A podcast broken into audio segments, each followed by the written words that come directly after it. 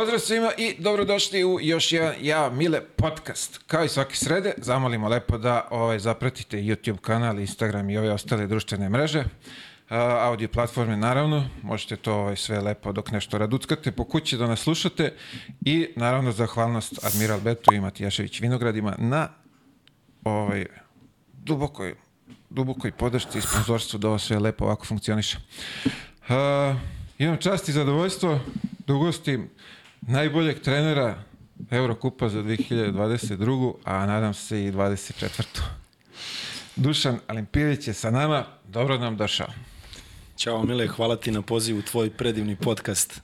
Kao što sam već rekao nekoliko puta, zaista čas mi je budem kod tebe, napravio si jednu fantastičnu priču sa ovim svojim podcastom. Pa vidi, trudimo se, kažemo, ono, ko što smo i malo pre razgovarali, trudimo se da ispričamo nešto pametno, ispričamo svoje muke, izjedamo se ovde, znaš, ovako, na neki lep način, prenesemo ljudima sve kako to izgleda, što oni ne vide, ovaj, oni vide onaj lepši deo na terenu, a ovo iza je sve u neku ruku velika muka da čuju ovaj malo drugi deo. Ne, ja sam ti rekao se zaista, ovaj, ja sam ti rekao da, eto, par puta sam te čak i nazvao posle, posle nekih gostovanja. Zaista mi je drago da uh, podcasti poput tvog postoje, da edukuješ na jedan drugačiji način ljude koji pre svega vole košarku, pa i one koji ne razumeju na, na, na dovoljan taj način, odnosno na, na dovoljnom nivou, to im približavaš uh, zaista na, na, na jedan uh, sjajan i ozbiljan način i uh, ako se sećaš, a sigurno sam se sećaš, zvao sam te čak posle gostovanja profesora Koprivice, ja sam tu čitao u emisiju Progu, to proletelo mi je svo to vreme a, koje je koje je on bio ovaj kao gost kod tebe i zaista to je možda jedna od a, lepših edukativnih emisija koje sam ja pogledao u poslednje vreme i, i, i posle koje sam ja izašao pametniji.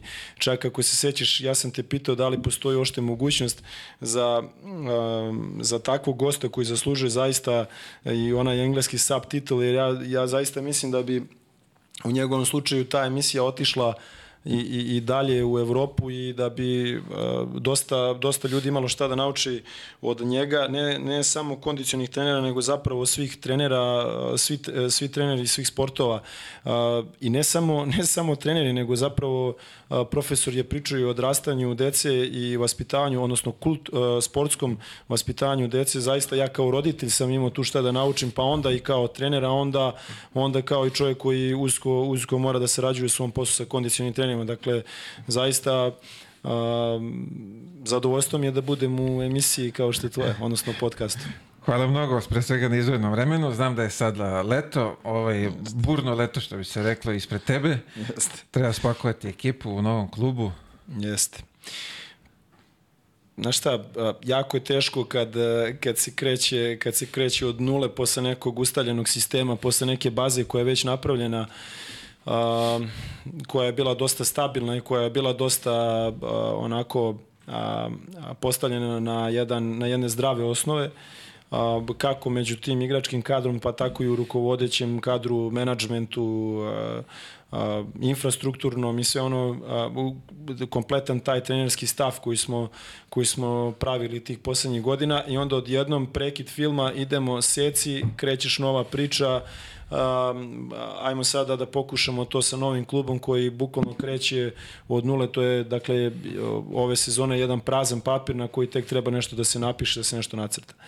Uh, s jedne strane ovaj bude lakše zato što uh, uvek je lakše kada imate taj prazan papir pa nešto treba samo novo da se stavi nego nego ako imate već nešto porešno napisano pa briši piši ali ovaj svakako da kad imate kada ste vremenski vrlo ograničeni to predstavlja dodatni dodatni napor ovaj.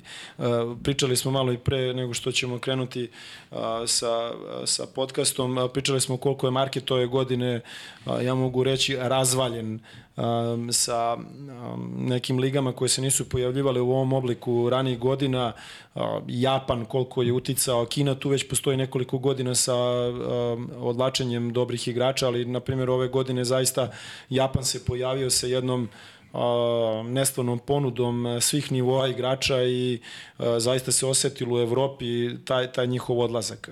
Tu su tu vej kontreksi koji su napravili pometnju takođe među igračima, odnosno igrači koji dolaze iz Amerike su sada, koji su na granici dali da potpišu za, za ligu, da potpišu za tim u ligi ili da se, da se odluče put u Evropu, više su sada i bliži su ostajanju u Americi iz prostog razloga zato što je novac koji dobijaju za tu vej kontrakt sada vrlo približan u odnosu na ono što bi, su, što bi, što bi mogli da dobiju u Evropi.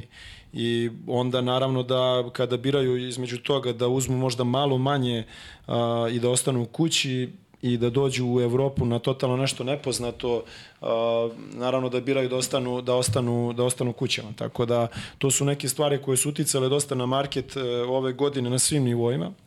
Uh, oni su poremetili, poremetili su tržište u Euroligi, Eurokupu, svim ostalim Champions Ligu i tako dalje, u domaćim prvenstvima naravno. Tako da bio je zaista težak jedan, jedan period e, sklopiti tim od, od potpune nule sa uh, nula domaćih igrača, sa nula stranaca, kompletan stručni štab i tako dalje. Dosta tu nekih stvari je bilo da se uradi. A recimo, ima, ima, ima ti neku bazu, aj sad kažeš nije bilo nikoga, ali verujem da neki domaći igrač mora da ostane tamo. Je li ima tamo pravila u Turskoj i dalje da, za, ima, za domaći ima igrač? pet, uh, pet stranaca je uh, maksimum, tako da sedam domaćih igrača mora biti u rosteru. Nema pravilo igranja koliko sme da bude na terenu, ali pet, mm -hmm. pet stranaca je maksimum koje možeš imati u rosteru na domaćoj utakmici. Eurokupu naravno nema, nema ograničenja ali a, bili su bili su neki domaći igrači a, za koje sam ja eto a, ajde recimo ljubazno zamolio da a, je bolje za njih možda da a, potraže neke nove sredine. Ono što smo ostavili moj stručni štab i ja odnosno i menadžment to je odnosno to su um, mladi, mladi talentovani igrači Bešiktaša koji igraju za reprezentaciju U20, U18 uh, igrači koji zaista imaju neku perspektivu uh, ozbiljnijeg nivoa i koji se meni lično, uh, odnosno lično su mi se dopadali i pre nego što ću doći za, -huh. Mhm. za Bešikteš, odnosno pratio sam ih. Tako da neka, neka četiri momka mlada koja će biti priključena uh, a, našem timu ne samo za treninge, nego jedan od njih će biti već ove godine uključeni u, u raspodelu minutaže, odnosno već ga planiramo kao igrača koji, koji, na koga mi ozbiljno računamo. A, sad me zanima, šta je, ti znaš Bešiktaš koliko je veliki, armija navijača, to je veće nego ovde ovo kod nas što, što ima cele populacije. Šta, kakav je osjećaj za tebe sad? Mislim, možeš budeš, bit ćeš deo toga i predstavljat ćeš taj klub, ali je velika, ono, Turci su inače onako... Pasionirani jako, da. da. Pa znaš šta, iskreno ti kažem, ja sam, ja sam slušao priče o veličini kluba i ovaj, naravno istorija je tu takmičenja u Euroligi, osvajanje Eurokupova, odnosno 16 puta kao futbalska sekcija su osvajali prvenstvo Turski. Pričali su mi 20 miliona navijača, međutim kad dolazite iz zemlje koja ima 7 miliona stanovnika, to je nekako mozak još uvek ne prihvata dok se ne pojavite tamo i onda dok ne vidite zapravo koja je veličina, odnosno potencijal tog kluba. Mi smo promociju imali na njihovom futbolskom stadionu, već mi je tu bilo jasno otprilike gde sam došao. Uh, promocija je bila zaista nešto onako spektakularno za mene do tada i video sam koliko su ti ljudi u stvari pasionirani ljubitelji sporta, odnosno povratka njihovog kluba na, na te o, ozbiljne, ozbiljne staze, gde Bešikte što zapravo svojim imenom istorijom za, zaslužuje.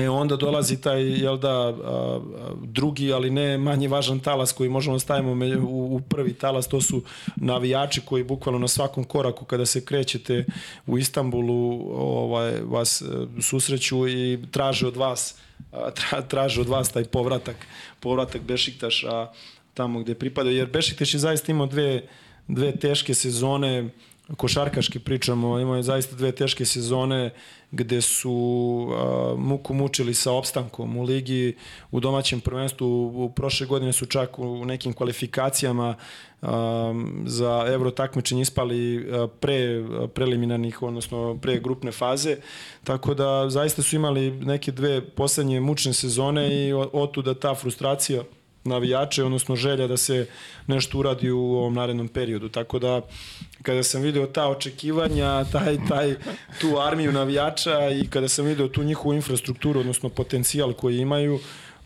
od tog i, i, i medicinskog njihovog centra, pa da ne pričamo od trenažnog centra, broja zaposlenih, mislim, uh, nekako kad, kad uđeš u klub i vidiš koji je tu broj zaposlenih, onda shvatiš otprilike desi. Ekonom ima svog pomoćnika, tim menadžer ima tim menadžera, pomoćnika, GM ima, znaš, i to onako računa se otprilike na neke grane da zaista, da zaista tu su, ali to je što se toga tiče stvarno Turci su u tom, u tom smislu organizacije zaista neko ko nudi maksimalan potencijal, samo treba, treba da se napravi jedno pravo usmerenje.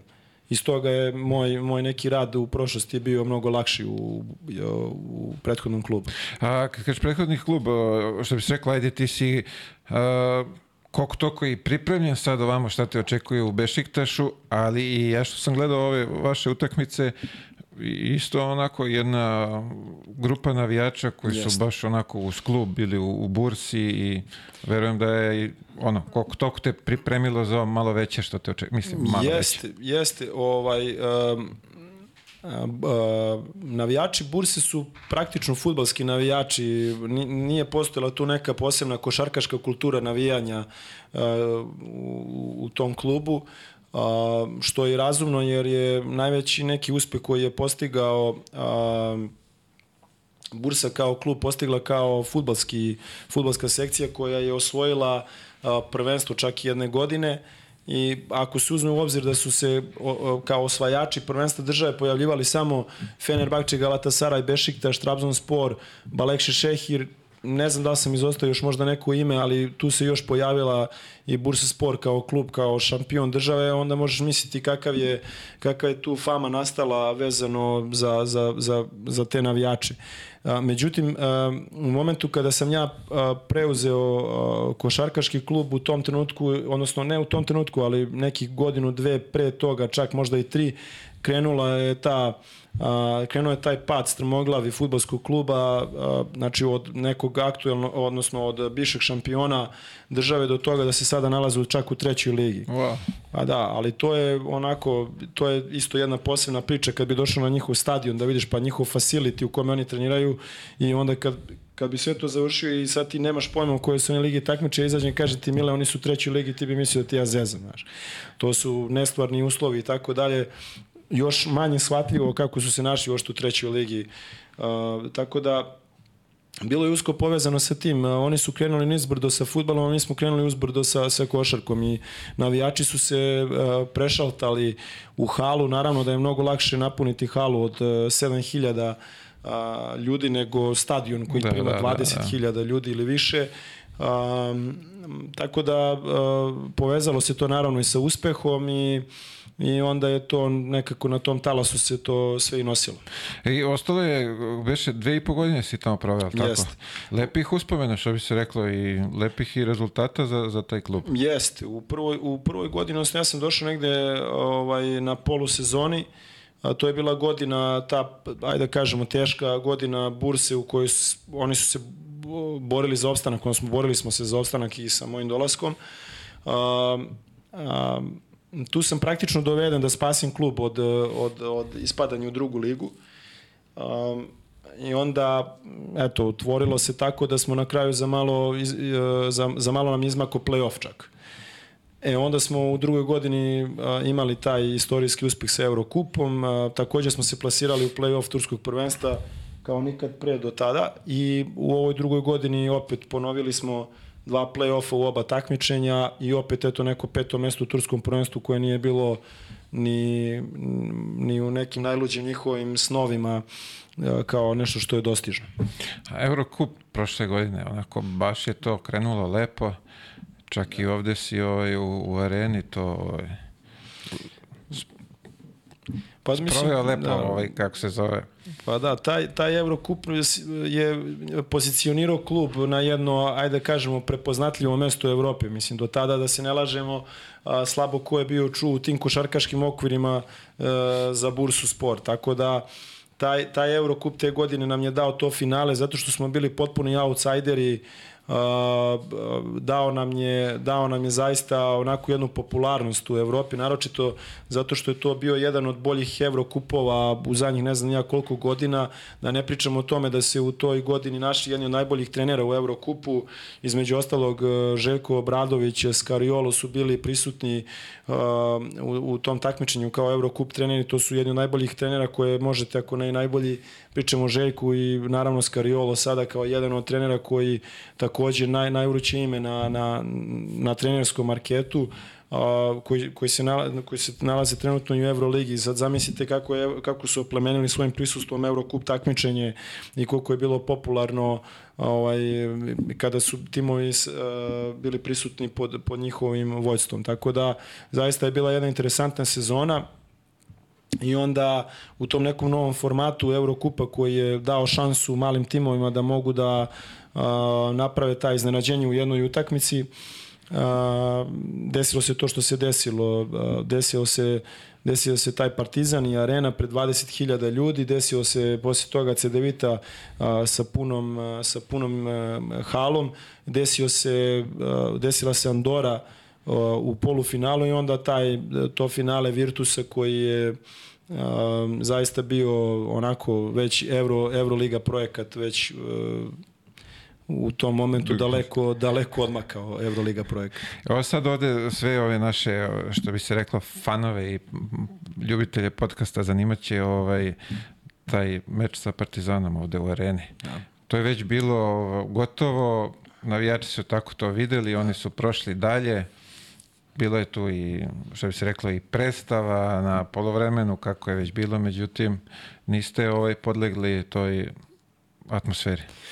Pa da, ima tu uh, zaista uh, što nije neka velika istina, nije neka velika pamet, ovaj, ali zaista tu timovi poput naših kada dođe da igra protiv Partizana, zaista ako ubedite tim da nema šta da izgubi, šta ćeš izgubiti ti protiv Partizana pred 20.000 ljudi, pred jednim Željkom Obradovićem, šta ti možeš da izgubiš u toj utakmici? Igraj, uživaj, zapamti ovaj dan, ko zna kada će ti se u životu, ko zna kada će ti se u životu i da li će ti se u životu ponoviti. Uh, za, za Izvini, mnoge... to je bilo taj tvoj motivacijni govor u Slačenici? Pa, pa mi smo na tome radili, nije to jedan govor, ali mi smo radili zaista par nedelja na tome čak, ja sam imao jednu onako malu ovaj, nesuglasicu sa, sa ljudima iz kluba zato što sam ja već uh, ubacio sva neka, na, odnosno naravno na njihovu, na njihovu pomoć, ja sam ubacio ta audio, uh, audio ozvučenje, odnosno pomoć ovaj, da, da simuliramo buku u areni koje, koju je nemoguće približiti. Mm -hmm, dakle, to mhm. ko kaže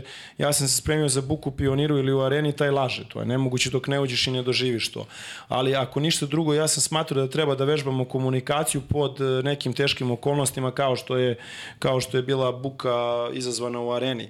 Jer i komunikaciju u tim otežanim okolnostima treba vežbati. I, i, to, je, i to je zaista stvar iskustva način na koji treba oni da razumeju trenera, trener kako treba da komunicira sa igračima, nekada umesto priče treba da bude gestikulacija da bismo se razumeli jednostavnije i brže.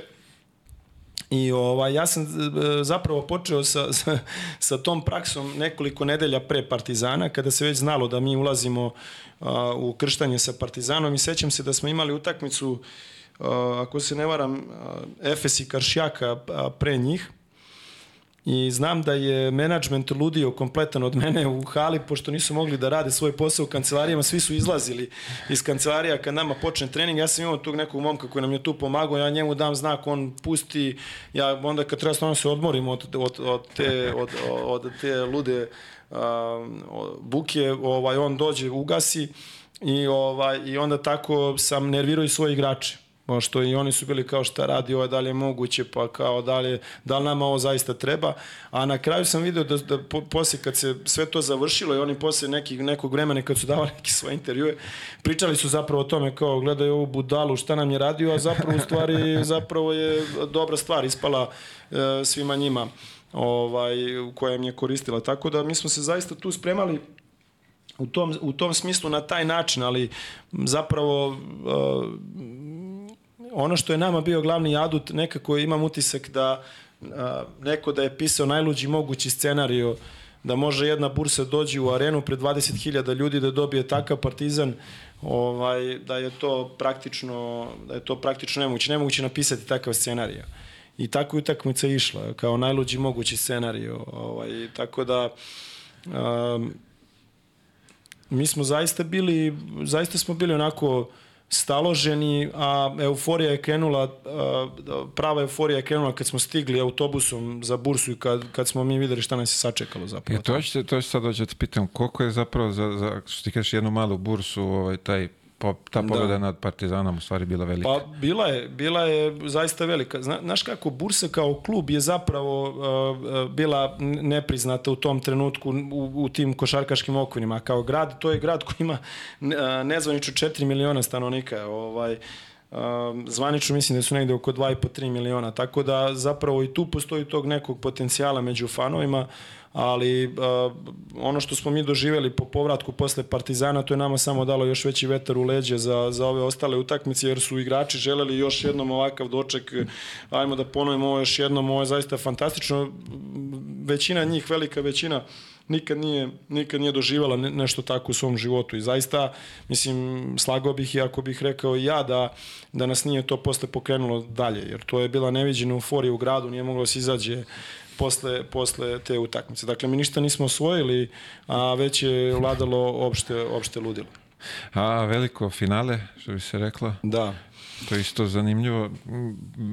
Ne mogu kažem da su ono ne, da, da ste dobili bilo bi zasluženo isto. Uopšte bilo je što bi se reklo neka close game bar kako sam ja pa to da. video. Bilo je momenata gde ste stvarno bili tu. Uh, ja se sećam, uh, ja se sećam da su ovaj ljudi iz kluba odlazili u uh, kuću Euroligi u Barceloni i oni su, mislim kako to već ide, kao da, poš, da, da pokažete ozbiljnost kluba, da u nekim narednim godinama vi možete da, da, da, da vidimo šta je to potrebno da bi se računalo na klub, da možda jednog momenta dođe ako smo u finalu da možemo da, da, da nam bude ponuđeno mesto Eurolige i ovaj jer kao finalisti znamo da je to bila prethodna praksa da finalisti dobiju dobiju tu wild kartu. Znači ne samo pobednici. Ja se sećam tada da, da, da su čelnici rekli da je Eurocup zapravo sa tim novim formatom dobio upravo ono što smo što je Bursa njima dala, a to je ta drama. Ovaj drama je bila protiv Partizana, drama je bila ako se sećaš protiv CDVite, kada, kada je uh, Pulen šutnuo trojku koja je bila na isteku vremena. Uh, drama nije bila samo protiv Andore i oni su baš bili ovaj usićeni su neki rejtinzi podignuti gledanosti i tako dalje. I oni su rekli zapravo to je baš ta drama koju su oni hteli, ali čini mi se nekako da nije bilo fair da bude još jedna drama u tom finalu protiv ekipe koja je u tom trenutku uložila nenormalan novac da. i koji, koja je, nije fair pre svega prema sportu, Uh, nije, nije fair prema našem poslu. Ovaj, ti to znaš kao, kao bivši vrhunski igrač, ok, sport jeste lepi, košarka zapravo jeste viteška igra zato što daje se, daje se pravo svakome i hrabrom i onom, i onom sa dobrim karakterom da pobedi jačeg, ali ovaj, nije to baš tako, tako ovaj, česta pojava. Mi smo dobili tu šansu u svim, u svim tim utakmicama pre, ali je nekako sportska pravda koliko god nama to teško palo i koliko god smo mi a, patili zbog toga, čini mi se da ipak u finalu sportska pravda zadovoljena.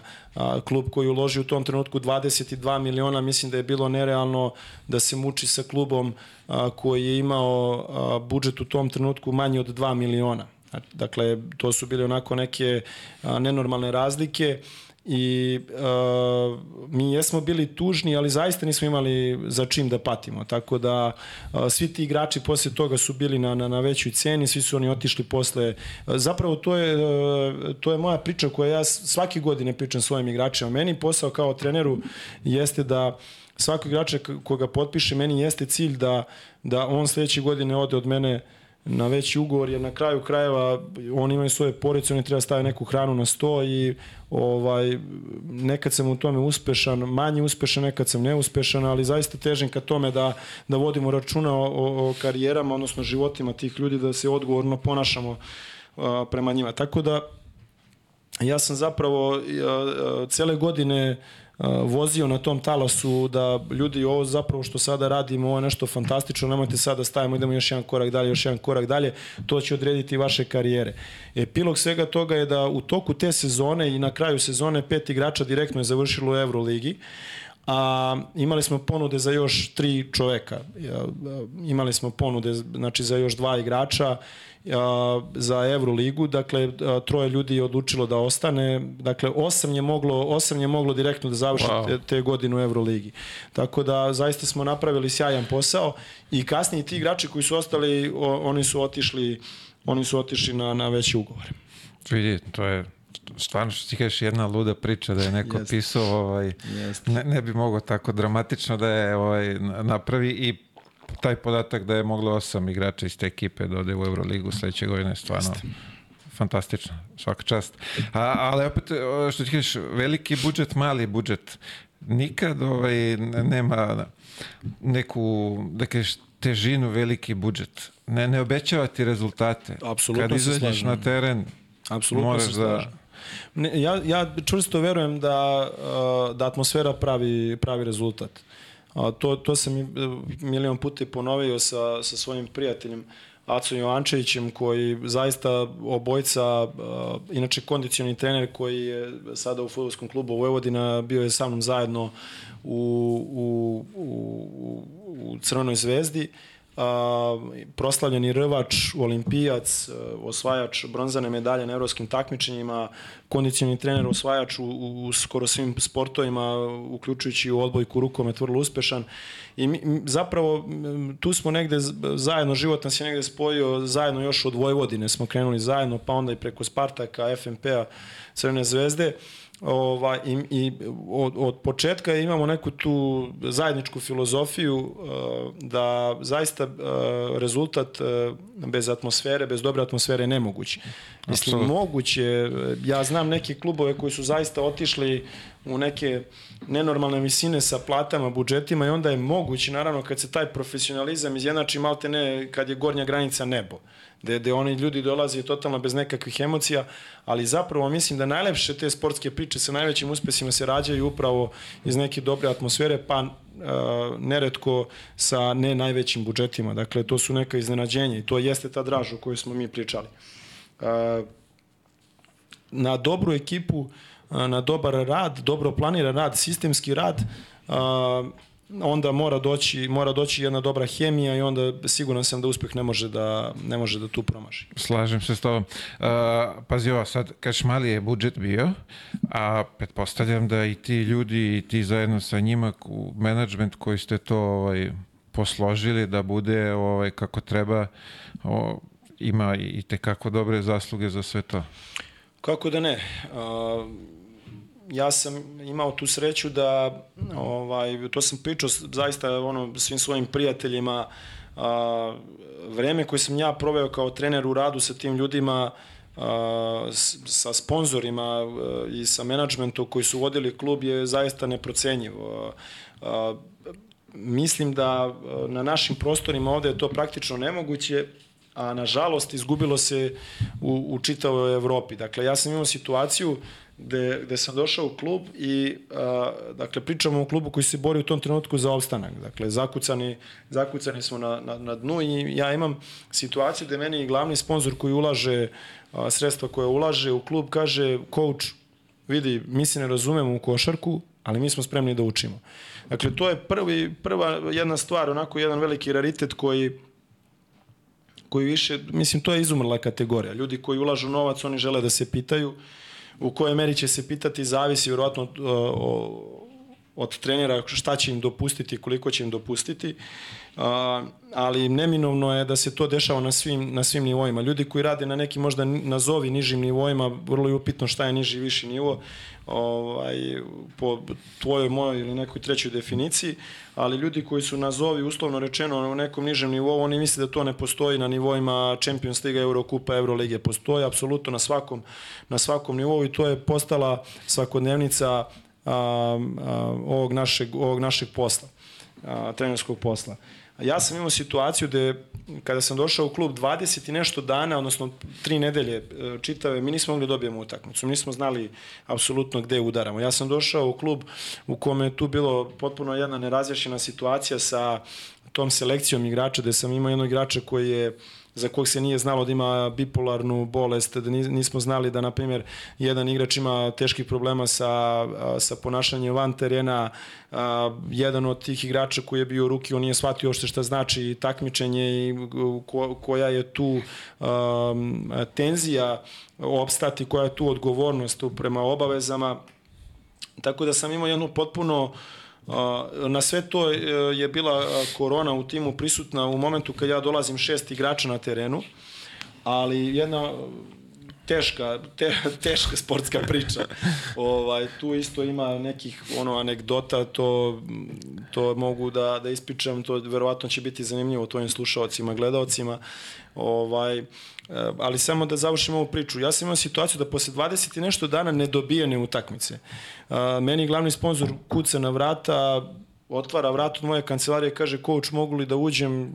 Naravno mislim Čuj, može tvoja vaše su vrata mislim možete u, možete ući. On kaže meni coach samo sam došao da ti kažem da ne brineš ništa. Uh, ovo je sve sjajno Mi smo a, vrlo zadovoljni kako ovo sve izgleda, u kom pravcu ide, mi smo videli koliko ti vremena provodiš ovde, videli smo tvoju posvećenost, a samo da ti kažemo da ništa ne brineš, mi ćemo sa tobom da potpišemo dugoročni ugovor. Ja u tom trenutku kažem, nemam dobijenu utakmicu.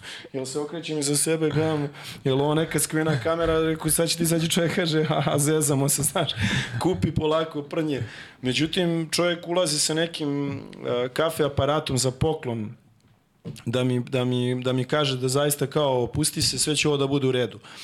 Epilog toga, ja se sećam ovaj, za, za naš Božić, mi dobijamo prvu utakmicu i onda od, od zaista od, od januara kreće ta, od početka januara kreće ta naša uh, nestvarna serija da mi dobijamo posle toga i Fenerbahče i tako dalje. Mi vezujemo ono što, što sam ti pričao, mi za malo mašimo playoff, za jednu utakmicu smo promašili za jednu pobedu smo promašili playoff. Dakle, Uh, ima i tekako uticaja management, odnosno uh, rukovodeći taj uh, so ljudi koji vodi klub, uh, na koji način će, na koji način će podržati, podržati struku?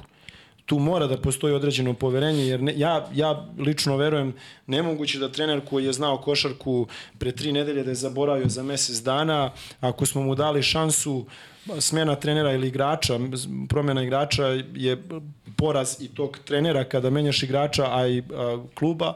Dakle, nešto tu nije bilo dobro urađeno pre tog dovođenja. Dakle, treba dati jednu šansu podvući crtu onda kada je vreme da se podvuče crta. Međutim, nažalost, pritiska toliko ima na ovim našim prostorima da je praktično nemoguće dati vremena ljudima, naročito mladim neafirmisanim. Jer, da, da. A, Mile, tu ima još jedna vrlo važna stvar. A, mladi treneri koji sada dolaze, a, mi nismo osvajači. Mi ne možemo, jer mi nismo dobili, kako kažem, ti, ti ne dobijaš kao trener i sve ove generacije koje dolaze, mi, mi ne dobijamo ekipe koje se bore za, za titule. Dakle, ti, ti sa tim timovima izlaziš tek na površinu da možda dođeš u situaciju da, da, da uzmeš neki tim koji će se boriti za titulu. I onda je tu još, veća, još veći pritisak na tim imenima, jer a, to je bilo to je bilo jako jako ovaj kako da kažem izazovno za sve nas kada ovo pominjemo e, klubovima koji nisu svojači, moram se vratim zbog Zvezde. U, u godini u kojoj se preuzima Zvezda, zna se šta je ta godina bila i ko, da je to ona godina ovaj, stagnacije, odnosno oporavka budžeta. Neće me sigurno zvati u tom trenutku na, na najviši mogući budžet, tako da... Imamo, je, tu, imamo tu da. rubriku isto posle do Zvezde, da. dohvatit ćemo se da. ovo naravno i, i toga. Uh, ovo me zanima, ovo leto pojavila se tu neka priča za Virtus Bolonju. Da. Imaš nešto ovaj, da nam kažeš, je to, koliko to istina bilo, pa, istinito tu, ili... Da, pa tu je, znaš, iz, iz poštovanja taj čovjek je, uh, Skariolo je u tom klubu i nastavio svoj ugovor, mislim da bi bilo um, i, i nekulturno da ja pričam o tome, ovaj, to su preneli nekoliko medija, to je više onako Novinarska patka, što bi rekli. Pa ne, mislim, to je više onako sad već za kako kažem, to je već nije se desilo i to je već nije više ni za, ni za komentarisanje, ali, znaš, bravo. tako da... Imamo ovako sad, ovde si Bursu smo zatvorili, Bešiktaš smo zatvorili. Uh, ovo me sad zanima, preskočio sam to na početku i to mi je veoma bitno. Koliko za tebe uh, znači uh, sad ovo vreme koje provodiš u, u, svojoj zemlji? Za mene je uh, neprocenjivo. Uh, ja sam čovjek koji zaista pati puno za svojom, za svojom zemljom i ovaj, uh, ja imam potrebu kada, kad se završi sezona da zaista što više vremena provedem provedem u svojoj zemlji, pre svega zbog, zbog porodice, jer porodica je ta koja najviše pati, porodica je ta koja prati ovaj, nas, trenere sa ovim poslom i koja je lišena mnogih nekih lepih stvari kada živiš u svojoj otačbini, neprocenjivo je to za decu, na primjer, da, da odrastaju, da imaju i babu, i dedu, i tetku, i ujaka, i strica, i strinu, i braću, i sestre, i da, da trče zajedno, da padnu zajedno, da, da, da naprave glupost zajedno, da jednostavno ja imam, ja imam isto ovaj, vikendicu na selu, odnosno odakle su moji koreni prezimena Olimpijevića i tu najviše provodim vremena. To mesto je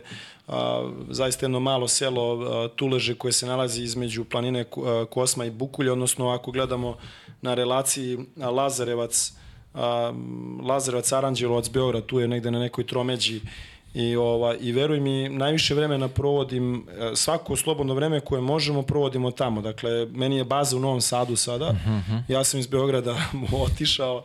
Ovaj, meni je, to sam otišao davno, zaista nisam mogu više u, Beogradu poslom. Ovaj, ti ja smo se isreli ovaj, poslom, ali u Novom Sadu, ali tad sam, tad sam onako baš sebe profil su rekao ovo će biti moj grad u smislu da ću ovde želeti da ostane. Tako da eh, ja zaista provodim, zaista provodim vreme a, svo moguće slobodno koje imam provodim u svojoj otačbini jer 9 ili 10 i nekad i više meseci je zaista puno ovaj, van svoje zemlje. Pitate zato što trenerski posao nije isto što i ovaj naš igrački, to jest ovi sad koji jest, su igrači. Jest. Tvoj posao je mnogo komplikovaniji Jest. Više treba posvećenosti tome da. dok igrač dođe odradi ono šta ima ide kući on Tako ne verujem da razmišlja više o tome šta je šta je ili to uh, onaj, baš kratko traje dok ti moraš da misliš o, o svemu tome I onda verujem kad dođeš ovde da ono, čekaj ma, samo vidi, da... ljudi nisu svesni toga uopšte. Evo ti si bio, naravno, kao igrač, si svestan toga šta znači igrač, ili tako, odeš, završiš posao, odradiš ili ne odradiš ono što ti je trener rekao ili te ne zanima, ono, najčešće te ne zanima ono što je trener rekao, ali a, ima, ta, ima ta situacija stvarno sa trenerima gde, gde, gde posao ne prestaje ni kad je, kad je pauza. Ovaj, evo sad kad je bila ova, kad je nastupila ova pauza a, po završetku sezone, onda imaš turbulenciju u kom klubu završavaš, a onda kad si potpisao za klub kreće ti formiranje, formiranje tima. I tu zbog marketa i aktuelnosti na, mark, na marketu ti zapravo imaš bukvalno nekih dve do tri nedelje da reaguješ kvalitetno. Znači ti... Da, da, ako da- propustiš, čao. Ne, te, kvalitet je otišao u te, u te tri nedelje. Tako da, i to je pitanje da li si pogodio kvalitet u te tri nedelje. Tako da, ali smanjuješ rizik ako reaguješ brzo. Tako da, evo, ja sam imao situaciju da sam bio sad sedam dana na nekom letovanju, ovaj, ušao sam jednom u more, a, porodica me se malo odrekla, ovaj, ne nešto previše, ali zapravo ovaj, nisu me videli. Ovaj, tako da, jer tu, sam bio, si, tu si ali nisi tu? Ma da, to je onako zaista bilo mučno, za, za, pre svega za njih sa mnom, a, jer tu onda ima tenzije u rokovima i tako dalje, mislim, Zato nema normalnog trenera. Zato, zato smo mi poludeli. Vidi ti, mora da gledaš, jel tako, sve one highlightse koje dobiješ, pa da saznaš, pa se raspituje igraču, drži, ne daj da bi zatvorio posao. Ba ne, ne, tu je oko formiranja, oko formiranja igrača, najgora stvar je kad ti neko da vremenski ograničeno da, da ti moraš da odreaguješ u roku od pola dana ili dan. Odnosno, ne ucenjuje tebe niko, ali market ti kaže da ako ne uzmeš ti, uzima ga sledeći klub. I onda ne možeš ti da formiraš mišljenje na highlightsovima, naravno. Ti moraš da pogledaš tri ili četiri cele utakmice, pa se to raspodeli na asistente, ako imaš dobre asistente koji mogu, koji gledaju ono što, što, što, što si ti njima rekao da gledaju. I a, to je jedan deo posla. Drugi deo posla je sakupljanje informacija o njima van terena na terenu koje ne vidiš ti na, na, na tim pregledima. Oni su neretko čak i važniji od onoga što si vidio na terenu. Jer ok, ti kad vidiš kvalitet na terenu, sve je to u redu, ali veruj mi, može, može budala da ti napravi problem kakav nisi ni svestan. Ja ne volim da ulazim u sukobe zato što ja sam čovjek koji ne beži od problema, odnosno ja, ja volim da direktno, ne volim, ne volim problem po tepih. I onda često kad imam problem, ja ulazim u taj problem, nosim ga i kući i na posao i vraćam ga i živim s tim problemom dok se taj problem ne reši. A najgore od svega ako problem ne može da se reši. Onda živiš sa tim problemom jedan duži period i onda oboliš i ti i svi oko tebe. Ali zato, zato je mnogo važno da se sakupljaju informacije o igračima a, ovaj, način na koji treniraju, kako se ponašaju, kako tretiraju zaposlene u klubu, uh, svoje obaveze, kako tretiraju svoje telo, kako se oporavljaju i tako dalje. Ja moram da kažem da sam zaista imao tu sreću, između ostalog, ja, ja smatram da je taj neki uspeh koji je došao sa prethodnim klubom, e, došao je zbog toga što smo pažljivo birali u okviru tog novca uh, igrače sa dobrom radnom etikom i sa dobrim ponašanjem. Mhm, mhm, Svi mhm. igrači su dolazili po sat vremena ranije i radili na nekom svom individualnom razvoju sa, uh, sa, sa mojim stručnim štabom i sa mnom i ostajali su da tretiraju svoja tela uh, a, posle svog tog napora koji su imali sa medicinskim osobljem, kondicionim trenerom i tako dalje. Tako da ovaj, to je vrlo važan, vrlo važan segment. Ono što ljudi ne razumeju koliko zapravo ti trošiš vreme birajući igrače, da nije to samo aha, posluti ga neki agent time, ovaj mi treba, treba mi ta pozicija. To ona se uklopi milion stvari. Apsolutno, apsolutno. E sad više ovo mi je zanimljivo, kad si rekao market i Japan, ovde pošto šta mi drugo radimo nego pričamo o cenama, koliko da. ko košta i koliko je preplaćen i koliko je ovaj drugi ponudio. Evo još jedan podatak ljudima da znaju da je market otišao gore, Jeste. pojavio se Japan, Kina, šta si već rekao, povećali su sume i znači bukvalno ima i Amerika, kako si rekao, two way contract i znači Tako ti ako ga ne platiš više, on neće doći. Ma nema tu šta, e, zapravo šta se tu još dešava? Japan je sada po organizaciji, to je tamo kad ode igrač, on se osjeća kao da je u NBA-u, mislim, liga je tako organizovana, sve je podređeno igraču, njegovom oporavku i tako dalje. Ja i dalje tvrdim, stojim iza toga da i dalje Evropa je uh, i dalje važi za taj uh, coaching game. Uh, gde god da se ode dalje, sve je toliko podređeno a, igraču da nema tu dileme, to je zapravo a, 90 ili 100% players game i vi se tu zapravo ne pitate previše, vi usmeravate, pomažete, ali oni su ti koji određuju pravila. U Evropu ipak kad se dođe, tu se dovede na jedan onako nivo, aha, evo ga trener, on je šef i tako dalje i tu se vrate malo tim nekim korenima po koleđima, dobrim koleđima gde su treneri i autoriteti i oni a, zapravo dobri a, a, sportski, kulturni, obrazovani igrači to znaju da poštuju. Međutim, a, ja verujem da je, da je svakom od njih u, nije teško objasniti kada mu ponudite, aha, ovde imaš veću lovu i, i a, lakše treninge i nemaš nekog a, kretena koji ti skače na vrat, a, pošto za njih je, jel da, većinom, većinom smo mi treneri kreteni koji hoće da treniraju. A, I imaš, imaš s ove druge strane dobre, do, dobru ligu, dobre trenere, svašta nešto možeš da naučiš, da napreduš u svojoj igri za približno isti ili čak manji novac, pa mislim tu kod njih onda dileme nema. Naravno da će se odlučiti za odlučiti za, za Japan. Iz mog tima prošle godine su za neuporedivo veće novce, što mi je izuzetno drago. To znači da smo opet napravili nešto sa, sa ta dva play-offa. Ovaj, iz moje ekipe su čak tri igrača otišla ka Japanu. Clemens, a, Zek Ovgust i Dave Duđinski. Svaka čast. Da, tri igrača su otišla, otišla za Japan. I to su dobili jako dobre ugovore i presrećen sam zbog njih jer su to igrači koji su imali nestvarno lepu radnu etiku, jako lepo ponašanje, nula problema sa njima tokom čitave godine i, i zaista sam onako bio pun sreće kad sam video koliko su odskočili pa makar i u tom finansijskom smislu. Bravo, a vi sad kad spominješ tu radnu etiku i, i, i lepo ponašanje, morate, ovaj, pitam, naravno ne možemo to da propustimo, ovaj, o, oko Jokića sve šta se dešava i ove njegove uspehe da prokomentarišeš. Pa znaš šta, mislim, to je ono, koliko je ljudi već ispričalo tu priču, ovaj, i glupo je, mislim, bilo šta i da pričam, ono, osjećam se toliko uh, mizerno da pričamo o Jokiću i svemu onome što je radio, toliko je, ono, prebacio ovaj nivo da, da zapravo svaka neka rečenica nije dovoljno pametna da stane uopšte u rečenicu sa njim. Ovaj. Zapravo ljudi, ljudi misle da da, da taj čovjek nije posvećen ili ne znam ja šta, zapravo sve je obrnuto, ti znaš to. Pa uh, izvini, uh, kako zove, Ogi Stojakoć je bio ovde i da, da pričao je da. kako je, šta dečko radi, koliko radi, da su čak i ovi veterani koji su bili ono Pa znaš i sam, znaš i sam te stvari iz reprezentacije, da taj čovjek koji eto, postavlja nekakve standarde i može da ih postavlja, eto, možda je ružno reći tako, ali zapravo sa nekim svojim autoritetom koji sada ima kao igrač zapravo može. On zapravo može da određuje čak i neka pravila. Uh, Ovaj, to je čovjek prvi koji kada završi utakmicu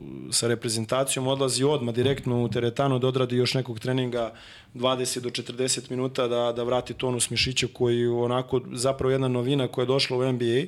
Nekome se to sviđa ili ne sviđa, ali šta vi možete da kažete tom čovjeku koji odigra utakmicu kako odigra za reprezentaciju koji je došao svojom dobrom voljom i onda ode i ovaj, brine o svom telu na takav način da ode u teretanu da podigne još malo nekog i tega u sve to. Šta, šta njemu treba dalje da se kaže? Drugo, nismo svesni, čini mi se, uh, uh, nismo svesni uh, uh, koliko smo kao mala država, koliko imamo, koliko imamo uh, dve veličine uh, aktuelne sada, da ne počnem da ne idem nazad u istoriju, koliko treba budemo ponosni na sve te uh, sportiste koji su se pojavili u istoriji u svim sportovima, ali evo sad aktuelne dve, pričamo o zemlji koja je 7 miliona stanovnika, mi imamo Uh, mi imamo Jokića i Đok, uh, Đokovića, mislim, to je, mi nismo svesni zapravo kol, uh, koliko su to najbolji ambasadori ne samo sporta, nego nas kao države u svetu, koliko ti ljudi nama podižu rating i koliko oni otvaraju svim sportskim radnicima vrata za dalje. Zapravo svima je to jedan onako veliki znak pitanja kako je moguće iz tako male zemlje taka dva, tak, taka, taka dva takve dve sportiste koji su napravili van se najveći u istoriji u, u, u, u tim sportovima. Ha, nadam se da ćemo se i opometiti. Malo verujem da, da ovaj, iz dana u dan da smo sve ovaj, bolje svesni i da, da cenimo te njihove, njihove uspehe, tako da vidjet ćemo ovaj, ka, kako ćemo se ponašati. Kritičari će uvek naći način da, da to nešto iskritikuju, a normalni Absolut. ljudi će i u, Znaš kako ja to gledam sad? A, ljudi koji nisu uspešni u svom poslu i ne znaju da cene ni tuđi, znaš. I onda ti vole uvek malo da ovaj, Mi smo, mi smo poznati po tome, znaš, da se razumemo u dosta stvari, a najbolje u sve, znaš. da, da. To je... Kao on je začin C, znaš, svugdje, svug, svugdje se stavlja. A, kratak osvrt na večite u Euroligi. Ja zapravo mislim sjajne, sjajne ovaj, dve sezone za, za oba kluba to sam već negde rekao da meni je, meni je zaista smešno kad krene prepucavanje, ovi su imali ovoliko ili oni su imali onoliko. Ja zapravo mislim da je to jedna fantastična stvar što smo došli u situaciju da jedna ovako mala zemlja toliko uh, je postala sportski uh, vrlo uh, dominantna u smislu da može da parira sa budžetima u Euroligi i, i zapravo i to je još jedna stvar koja pomaže svim sportskim radnicima u, nebitno da li pričamo o futbalu, košarci, odbojci, rukometu, vaterpolu i tako dalje, svim ostalim sportovima, individualnim sportovima, atletici i tako dalje. Dakle, nažalost, e, to zlo bez koga se ne može i kojima svima treba novac, zapravo ne postoji taj, taj razvoj. Novca u sportu koliko vidim ima više nego, nego ikada i umesto da budemo svi zadovoljni i srećni što imamo dva kluba sa, sa tim budžetima, meni ta vrsta rasprave je zapravo smešna, iskren da budem. Dakle, ja sam zaista kao Srbin ponosan u, u kada gledam u Turskoj sa prijateljima Euroligu, a pratimo svaku utakmicu, da, da klubovi iz moje zemlje nisu neke a, kante koje eto samo će neko proći izudarati i nastaviti dalje. A, mi imamo mi imamo timove koji su zaista vrlo konkurentni sa svima i koji su napravili čuda a, i čudesne pobede i a, Zvezdi je izmaklo za malo takođe taj play-off Partizanu je za malo izmakao Final Four, mislim šta možemo da tražimo više um, u toj prvoj sezoni uh, gde smo imali uh, dva srpska kluba u Euroligi. Evo ide i sledeća, polako pripreme su krenule, dovode se ovaj, za sad su lepa imena dovedena, tako da nadam se da će u ovoj sledećoj da malo svako za, za pokorak ovaj, postigne još, još malo i da budu svi ponosni i srećni i nadam se da će sve ovaj sledeće sezone proteći u što boljem ovaj ja se, redu. ja se, ja se zaista nadam i znaš šta Mile, vrlo je važna stvar, vratila se, jer Srbija je ipak zemlja koja zaista obožava košarku i dvoranske sportove i vratila se, vratila se publika u, u, u dvorane i zaista taj način na koji, na koji funkcionišu, jer zaista bez jakog partizana nema jake zvezde i obrnuto guraju jedni drugi u tom svom rivalstvu i, i meni je to zaista, zaista onako fantastično za videti. Mislim, ne može više se dođe do karte. Mene zovu ljudi, mene zovu ljudi iz Turske koji, kojima nije problem da sednu na avion da dođu da pogledaju jednu utakmicu Partizana ili Crvene zvezde. A, imao sam ljude koji su kada se završila sezona teli da dođu da gledaju finale ABA lige. Znači ne Euro lige, nego su teli da dođu da gledaju finale ABA lige. Bolje što nisu došli. pa dobro, bilo je ove godine, bilo je ove godine zaista to.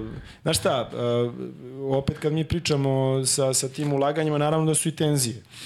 Pa sve to je jasno, godine... ja verujem da može bez tenzija pa može, i mora naravno, kada može težimo to drugačije, ka tome. Da... ali evo vidiš da svake godine, hvala Bogu, to ide ipak onako, čini mi se u da jednom, ide na bolje. Ide u jednom normalnijem smeru. vidjet ćemo, vidjet ćemo, tu smo da pratimo. Uh, svetsko prvenstvo je ispred nas,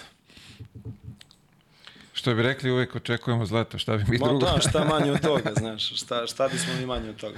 Pa ne, prva, prva je osnovna stvar, treba se vidi u kom ćemo sastavu se uošte pojaviti. Absolutno. Tu je vrlo jedna nezahvalna, nezahvalna situacija i za selektora i za savez, zato što zaista Uh, ja verujem da oni u svojoj glavi ko zna koliko opcija imaju i šta se sve njima vrti u glavi i koliko otkaza uh, potencijalnih igranja, tako da uh, ne smijem da zamislim zaista koliko treba da se promeni i taktika, ideja e, čitavog, e, čitavog vojstva u, e, na, na svetskom prvenstvu u odnosu na to s kojim rosterom raspolažeš. Ono što je činjenica, činjenica da mi zaista imamo a, dovoljan broj igrača koji igraju na vrhunskom nivou ove godine u vrhunskim timovima. To je vrlo važna stvar a, napomenuti i to, to je ono što meni daje jednu veliku dozu optimizma. Nismo dugo imali uh, ovoliko igrača koji dominiraju u svojim klubovima, u vodećim ulogama, ulogama u, u... Tako i nisu u, epizodisti. Veoma bitna stvar. Kreneš od, od, od, od svih najjačih liga u Evropi, pa da krenemo tamo, da, da dodemo do NBA-a, mislim, zaista imamo šta na raspolaganju, ali opet nezahvalno je meni odavde iz ove stolice pričati, jer mi ne znamo kako i tim igračima koji žele i odmora, a s druge strane znamo šta znači igrati za Srbiju i kakav to, kakvu to vrstu ponosa izaziva, tako da zaista to je jedna osetljiva tema, ali onog trenutka kada, kada, kada vidimo roster, onda možemo zaista da kažemo ovo je realno ili nije realno i onda pretpostavljam da će se i reći koji su, koji su ciljevi. Vidi, ako tako pričaš, realno je bilo i sad da osvojim Evropsko prvenstvo, ali došla je ta Italija i jebi ga, nikad ne znaš što je ta jedna utakmica. Pa dobro, ali te se utakmice dešavaju, mislim, znaš šta, ja, e, ne, uopšte nije sad da, da eto, ono, naš klasična trenerska libi, kao pa ne, lopta je okrugla, danas igraju košarku, znaš. Ne to, nego zaista, znaš, takve se utakmice dešavaju i takve utakmice nekad vrlo teško objasniti. To čak ne možeš ni izanalizirati kad pogledaš utakmicu, šta je bilo, gde je prošlo, ovaj, desi se nekad. Zaista, Srbija i dalje važi za, za, za ovaj, naciju proti koje svako igra sa 101%. Srbija motiviše protivnika, Srbija zauzima sa svojim igračima i trenerima zauzima mesta mnogim i trenerima i igračima po Evropi. Za svako ko će pokaže čekaj malo, pa nije to baš tako kao što je nekad bilo. Ja verujem da tu je svako ekstremno motivisan I, o, I ono što je najvažnije, to su posebne emocije kad se igra za, za reprezentaciju. Nama to nikad nije manjkalo. Ja verujem da to nama nikad nije manjkalo. Pa, nadam se da će, što bi se rekli, u punom sastavu biti svi zdravi i da će nas ovaj i sve će malo pogurati, pa da to konačno zasija najsjajnije što može ovde kod nas. Kao Tako najveći, je. najveći navijači reprezentacije. Apsolutno. Uh, vidi ovako, idemo mi u rubriku Male cipelice da vidimo kako je bilo tvoje odrastanje. Moji su zaista mali, ti to nešto... Ništa lično? Pa, pa ne, nešto je najkraće ono da, da ne dajem ljude s nekim ono, a, temama koje pretpostavljam da ne, ne interesuju mnogo ljudi ovaj, gdje sam, šta sam, pazi, rođen u, u Lazarevcu, a, odrastao do 15. godine i tamo krenuo da treniram. Evo u Kolubaris, to je prvi klub koji sam, o, u kom sam krenuo i onda sa 15, sa 15 godina prelazim za Beograd u Beo Petrol. Izvini sad dok, da. da, da mi ne bežiš. Samo kako si zavoleo basket? Kako to krenulo? basket sam zavoleo tako što a, a, u porodici su mi svi okrenuti ka futbalu, znaš. I, ovaj, I pokojna majka je nekako to videla mene ako odem tamo da ću bar drugačije malo kulturnije da izgledam, ako odem na, da pokuša da me izvuče koji centimetar, znaš, na košarku.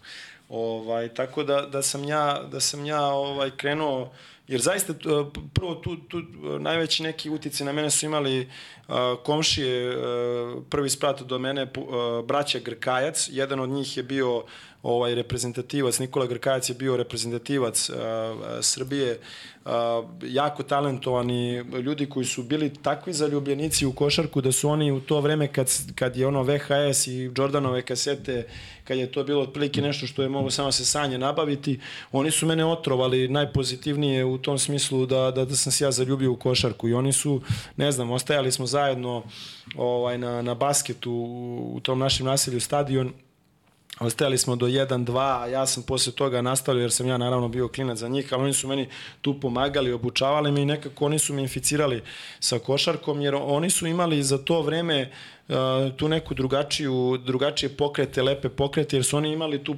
pristupačnost tim VHS ovaj, kasetama sa, sa uh, ovaj, sa koleđa iz NBA i tako dalje. Ja sam uz njih zaista ono upijao i gledao i tako sam krenuo. I, I onda sa 15 godina sam prešao za Beograd za, za, uh, uh, za, za Beopetrol, ovaj, de, de, čini mi se to je bila uh, juniorska selekcija, 85. 6. pa sam ja kao mlađi ovaj, u, tom, u tom timu onako bio Um, 85. 6. Da, da, da. Ček, to je Micov i ekipa, tako? Pa da, bilo je tu, ali to je ono, čuvena i ona, da, mislim, to je zaista bila u, to, u tom trenutku taj prvi tim, to je bilo ono, Žareča, Barkapa, Kecman, Otašević, to je bilo zaista, znaš, to je bilo ludilo u tom trenutku. Međutim, pošto je ta 85. 85. 6. generacija, ono, zaista tu ko 86. nije bio najbolji u tom periodu, nije taj šta da traži. To je zaista bila jedna pretalentovana generacija, tako da sam ja skliznuo prirodnim putem ka Čukarički, znaš, ali ne futbalski klub, nego košarkaški klub. Čekaj, to postoji? Da, da, da, to je bilo u tom trenutku. Čukarički? Da, da, da, to je, to je Rade Petrović je to ovaj formio taj klub davno. Sonja Ćale, tako? Da, da, da, i to je, to je to isto takođe bilo uh, strašnih, strašnih imena, tu, tu je u tom trenutku iz tog Čukaričkog otišlo, ali mislim, da ne dajem ljudi. To je, ja, to je meni u životu bio jedan od lepših perioda jer sam ja došao na Banovo brdo koje sam zavoleo. Najbolji prijatelji su mi uh, ostali sa Banovog brda i danas danju. Sa njima se čujem i koji su sa mnom trenirali i koji nisu trenirali sa mnom. Uh, postali sudije, kasnije otišli ka nekim drugim svojim stranama, ali mi smo ostali izuzetno bliski uh, i, i ovaj, izuzetno cenim taj, izuzetno cenim taj period sa Banog brda. Onda dolaze mi neke dve povrede prednjih ukrštenih na, na istom kolenu. Posle prve sam se vratio, kad drugi put na istom kolenu pokido prednje ukrštene, nisam imao više neku želju, nisam imao neku želju više da se vraćam. Tako da sam tako da sam odlučio da tu prekinem i imao sam sreću da me a, da me tadašnji trener Dejan koji je bio koji je radio u, u, u, u mlađim kategorijama Čuka, u Čukaričkog a, kasnije prešao za ženski klub Crvene zvezde, pozove kao svog asistenta. Ja tad nisam imao navršenih 18 godina. Wow. Jer ja već do 18. godine sam dva puta kido prednje ukrštene, meniskus i tako dalje. Bilo je jasno da nema tu ozbiljne priče. Ovaj, Koliko ti teško palo samo ta, ta pod, povreda u, u tim godinama? pa bila je zato što... Mislim, ti u tom momentu maštaš, da, ono, verovatno... Pa, ko svakom detetu, znaš, ovaj, a, naročito što sam ja bio fanatik, ovaj, ja sam bio tome posvećen nenormalno i, ovaj, međutim, znaš kako, kad e, treba čovjek da bude realan u svemu što radi, e, nije, nije svakom pisano da bude a, vrhunski a, u svom poslu. Tako da me, me, ja sam imao tu, čini mi se, neku dozu samokritičnosti na jakom visokom nivou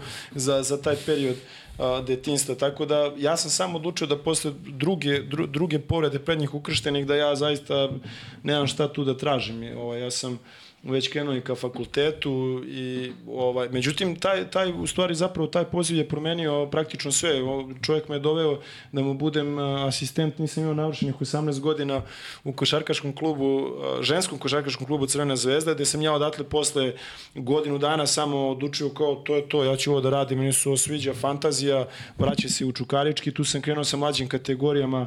Marko mi je tada ovaj koji je vodio Nikodijević koji je vodio tada um, Čukarički, on mi je dao šansu da radim sa mlađim kategorijama i sve ostalo je posle, sve ostalo je posle istorije. Ja sam imao neka dva talentovana momka za koje je bio zainteresovan Novi Sad, oni su povukli ta dva momka i tako sam ja dobio posao u Novom Sadu. Aha, aha, aha. Jer ja sam, ja sam e, takođe vrlo mlad, video da otprilike u Beogradu ako se ostane vrlo teško će se opstati. Ovaj ako nisi neko ime pre toga igračko, nisi u konekciji, nisi da ne budem pogrešno svaćen rođeni beograđanin, ovaj te, te, tež, tež, težak je put. Tako da meni je nekako bilo u glavi hoću idem za Novi Sad. Ja sam čuo da je Novi Sad ono prelep grad, izlazio sa drugarima par puta iz, čak iz, iz Beograda i onako to mi je bilo super, kao hoću tamo i pojavio se tada u tom trenutku Novi Sad kao projekat uh, koji je bacio akcent na mlađe kategorije.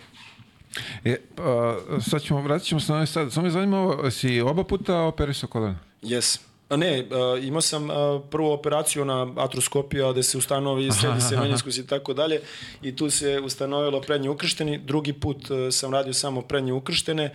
Kad sam pokidao uh, ponovo nisam više ovaj, operisao, tako da trenutno sam sad ono, ako krene dete preko ulice, samo prvolinijski mogu da ga uhvatim.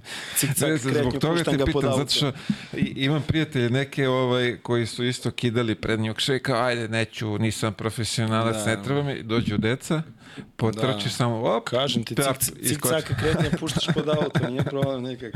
I onda, Ali... I onda je posle nekog vremena vidi kao, Ne, ja da verujem, makar budem sposoban za trčim za da. detetom da, da i da se operišem. Ne, to, to je, jeste zaista nešto što može da me, da me... Ali mogu ti reći da u neki, uz neki redovan trening i obraćanje pažnje ovaj, na tom kolenu gde kvadriceps onako preuzme poprilično lepu ulogu ovaj, čuvanja pod kolenice nad kolenicom, ovaj, to bude pod kontrolom pojave se ljudi koji nemaju osjećaj kao što sam ja, pa povremeno odigraju neki futbal za koji potpuno nisu talentovani, pa mi malo izleti tu koleno, pa malo budemo onako pod otokom par nedelja, psujemo se živo sami sebi, ali nećeš verovati, odigram futbal posle opet jedno, dva, tri meseca.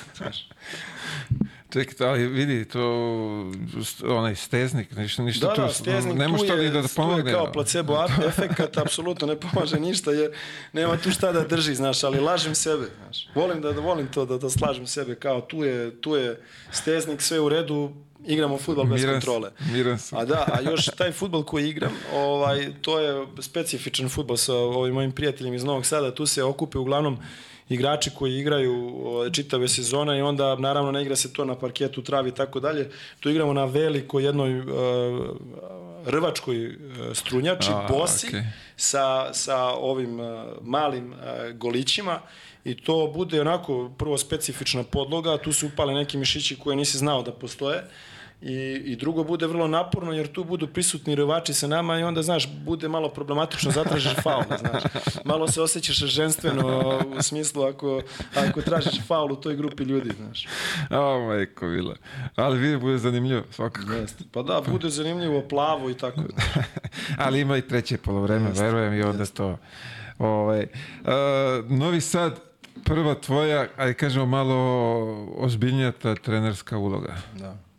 Pa vidi, mene su doveli sa 22 ovaj, da budem, da budem ovaj, asistent u prvoj ligi. Tada je prva liga zaista bila ovaj, dosta i, i poštovana i imala, bila su imena ovaj, koja su se pojavljivala tokom svih tih godina, nenormalna, između ostalog, sećaš se i, i, i, ti si nam, i ti si nam došao u naše redove, tako da to, to je bilo zaista onako za mene, mene prati taj ovaj, a,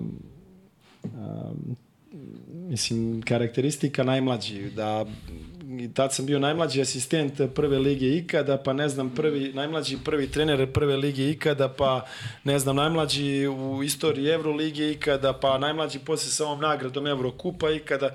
Znaš, ne znam da li da se znači, radujem, sam... ne znam da li da se radujem ili da kukam zbog toga, znaš, ovaj. Čekaj, sad će dođu trofeji, majku. Pa vidi, za godinu dana bit ću beo, mogu da me zovu kako hoće, znaš, tako da izgledat ću starije, tako da boli me uvo, prevarit ću ako neko, ako neko si razmišlja zbog godina, ali Znaš šta, e, koliko mi je pomoglo, ovaj, zaista ne mogu da kažem da mi je toliko odmoglo što sam krenuo mlad, jer zaista ne vidim, ne vidim velike minuse, vidim, vidim, samo, vidim samo pluseve u tome što sam krenuo rano, jer zaista uh, imam već poprilično iskustva, a iskustvo je skoro pa sve u ovom našem u ovom našem poslu, naravno posvećeno znanje i tako dalje, edukacija, ovaj, usmeravanje samog sebe u tom pravom smeru, ali sa 22 godine je došao taj poziv za, za Novi Sad. Ja sam, ja sam imao sreću da posle godinu i po dana um, se spojim sa, um, sa pokojnim Neđom Danilovićem.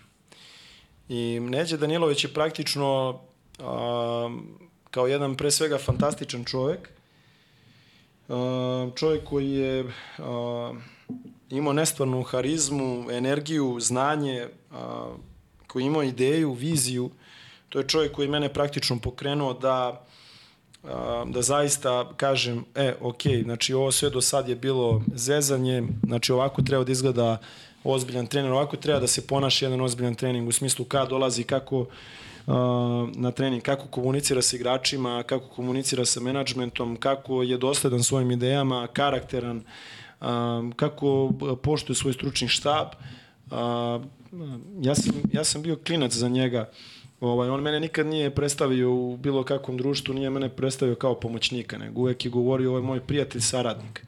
Ja sam dete u tom trenutku i meni je to ostalo. Ja nikad, uh, nikad nisam za svoje trenere rekao ovo su moji pomoćnici. Uh, iz poštovanja, jer sam ja bio taj pomoćni trener, a mm -hmm. i zbog toga što je meni ostavio amanet pokojni Neđe Danilović, koji je zaista naj, onako imao jedan od najvećih uticaja na mene i na neku moju, na neku moju filozofiju trenersku, jer a, taj profesionalizam koji sam ja video kod njega, ja pre toga to nisam, to nisam video. Uh, On je doneo scouting e, kao vrlo ozbiljnu, vrlo ozbiljnu kategoriju u momentu kada se scouting nije smatrao ozbiljni, znači to, je, to su neki počeci tek scoutinga, naročito kada dođemo na prvu ligu Srbije to nije bilo Uh, on je mene usmerio da zovem i Minića koji je kasnije se pojavio u Vojvodini pa da tražim od njega neke skripte, da pogledam neke njegove treninge, da, da, da pričam sa njim o scoutingu, jer, jer ja sam se kroz, kao pomoćni trener profilisao kroz taj scouting a kasnije sam ja to nastavio i sa Ernest Rađenom, znači kroz njegove, kroz njegove a, a, kroz njegova iskustva, dokumente i tako dalje, a, nije mi bilo teško i da pozovem Jeremića i da mu kažem ja sam neki tamo klinac iz Novog Sada, čuo sam za vas da to radite na jednom vrhunskom nivou, mogu li da dođem i da porazgovaram sa vama, na što mi je čovjek vrlo pozitivno odgovorio i danas danju se sećamo tih svih priča. Dakle, ja sam u tom Žen periodu... Jeremić. Pa mislim, uh, radio je sa, nema šta da ja ti kažem, bio je sa Dudom u CSKA kao... Da, da, da, kao, da, da. U narodu, u, u ovom našem okruženju, ovaj, svi ga znamo kao po nadimku, da. Jeste. Nemo, da, da ne spomenjemo nadimak. Pa da, pa ali, ali zašto mislim, čovjek... Mislim, da, znam da. čovjeka, zato sad sam da. zbunio o kome pričaš, ali sreli smo se dole u, u Bahreinu, ovaj, bili smo... Ali... On, on vodi isto, on, on vodi sad i udruženje a, trenera, trenera Srbije, tako, da. tako je, i, i, i to rade, oni straja to rade zaista jedan fantastičan način. Ovaj, između ostalog, uh, uteo sam da kažem da Neđa mi je nekako nacrto put kao idi ka ovome, juri te ljude koji rade, koji rade to najbolji mogući Mhm, način. Ja zaista mislim da sam ga, da sam taj scouting, zahvaljujući svim tim nekim, jer u tom trenutku je bilo teško prikupljati to znanje. Nije bilo dostupno kao danas, ne- nije putovala informacija ovako brzo kao danas što putuje, jer mi pričamo 15 godina ranije. A oni ljudi te kako su to skupljali, to je tek bila priča. To se Da, da, tri VHS kasete, pa se vadi seče traka, pa se premota, pa se stavlja, pa ga a, ovaj, nasnimava i tako dalje. Znači, tek je njima to bio pakao. Znači, ja sam samo došao i pokupio to neko njihovo iskustvo iz neke njihove dobre volje, jer su oni meni dali neki svoji papiri i tako dalje. Tako da, mene je to profilisalo kao pomoćnog trenera i kasnije mi je to mnogo pomoglo. A, kao prvom treneru sam primetio sam da uh, onog trenutka kad sam preuzeo ekipu kao prvi trener, uh, da mnogo lakše i brže analiziram igru uh, jer sam radio kao, Da, da, da. da. kao uh, sk- scout, pomoćni trener. Jer sam raspolagao informacijama, držao sam kretnje, uh, javljao sam igračima sa klupe koja kretnja dolazi, pomagao im i tako dalje. To su ogroman broj opcija i tako dalje. Vi praktično vežbate mozak za te stvari i na, naravno kad navežbate mozak brže reagujete, brže analizirate, vidite stvari na terenu. Tako da meni je topla preporuka za svakog trenera da, da se udubi u scouting, pomoći će mu kao prvom treneru ako ima ambiciju da... Je, da to je i bude. Ovdje još neko spomenuo da uopšte kogod kreće u taj trenerski posao da obavezno krene od nule, od šta već, od scoutinga pa polako gore Jeste. da bi razumeo i bolje savladao to sve. Jeste. Po, a, trener mlađih kategorija, ako prođe kroz mlađe kategorije, što sam takođe imao, radi a, mnogo bolje taj development part za, za, za, za igrače. Igrači su kao deca kada dođu čak na taj seniorski nivo. Oni vole, pa makar tih nekih 10, 15 do 20 minuta tog nekog njihovog igri, ali u smislu razvoja njihovog, znači kroz igricu, kroz neke poligone da im se da ono što, sad najbolja varijanta je ono što ja težim sa svojim stručnim štabom, primjera radi, mi gledamo protivnika, oni su, ne znam, sad u, u drop odbrani ili su na hedžu, na pick and rollu, nebitno, uh, odredimo koja je njihova odbrana, mi krećemo tri dana ranije da radimo taj razvoj igrača uh, u napadu na date okolnosti u odbrani. Dakle, kako hoćemo da napadnemo u individualnom, u, indivi- u individualnom pogledu kako želimo da napadnemo određene segmente protivnika. I oni to obožavaju. Ja, ti ne možeš to da zamisliš koliko se oni zabavljaju, koliko su žive kao da radiš sa kadetima. I, ovaj, i onda, znaš, treneri koji su prošli mlađe kategorije mogu to da e, implementiraju mnogo lakše i lepše, odnosno svrsishodnije um, kroz, kroz taj rad sa seniorima, a treneri takođe koji su prošli i kroz taj scouting, analiza igre, same igre, u toku igre, pre i posle igre je značajno, značajno jače. Uh, vidi ovako, Mačvan je bio ovde, nahvalio te. Sad ne mogu se da setim kako je ovaj, od reči do reči ovaj rekao, ali znam da si ga nešto oduševio nekom pripremom, kako se zove, čekaj da uhvatimo vodu, da se oduševio nekom pripremom tad kako si vodio ekipu, da si ih namučio i mogu ti reći da te ovaj lepo... Rekao, da smo ih prebili. Jel tako? Ali ono što se ja sećam kad sam došao u Vojvodinu, ja sećam tebe, ja moram kažem kako jeste, sećam te se ko napalje klinca koji si imao one papirčiće, one ovamo, ali podsjetimo to na ovaj američki fazon, jer sa- kad sam bio tamo, oni su sve imali papire, ono napisane, preklopljeni, to se zabode Da, tu. Ovaj, za, izgledamo za...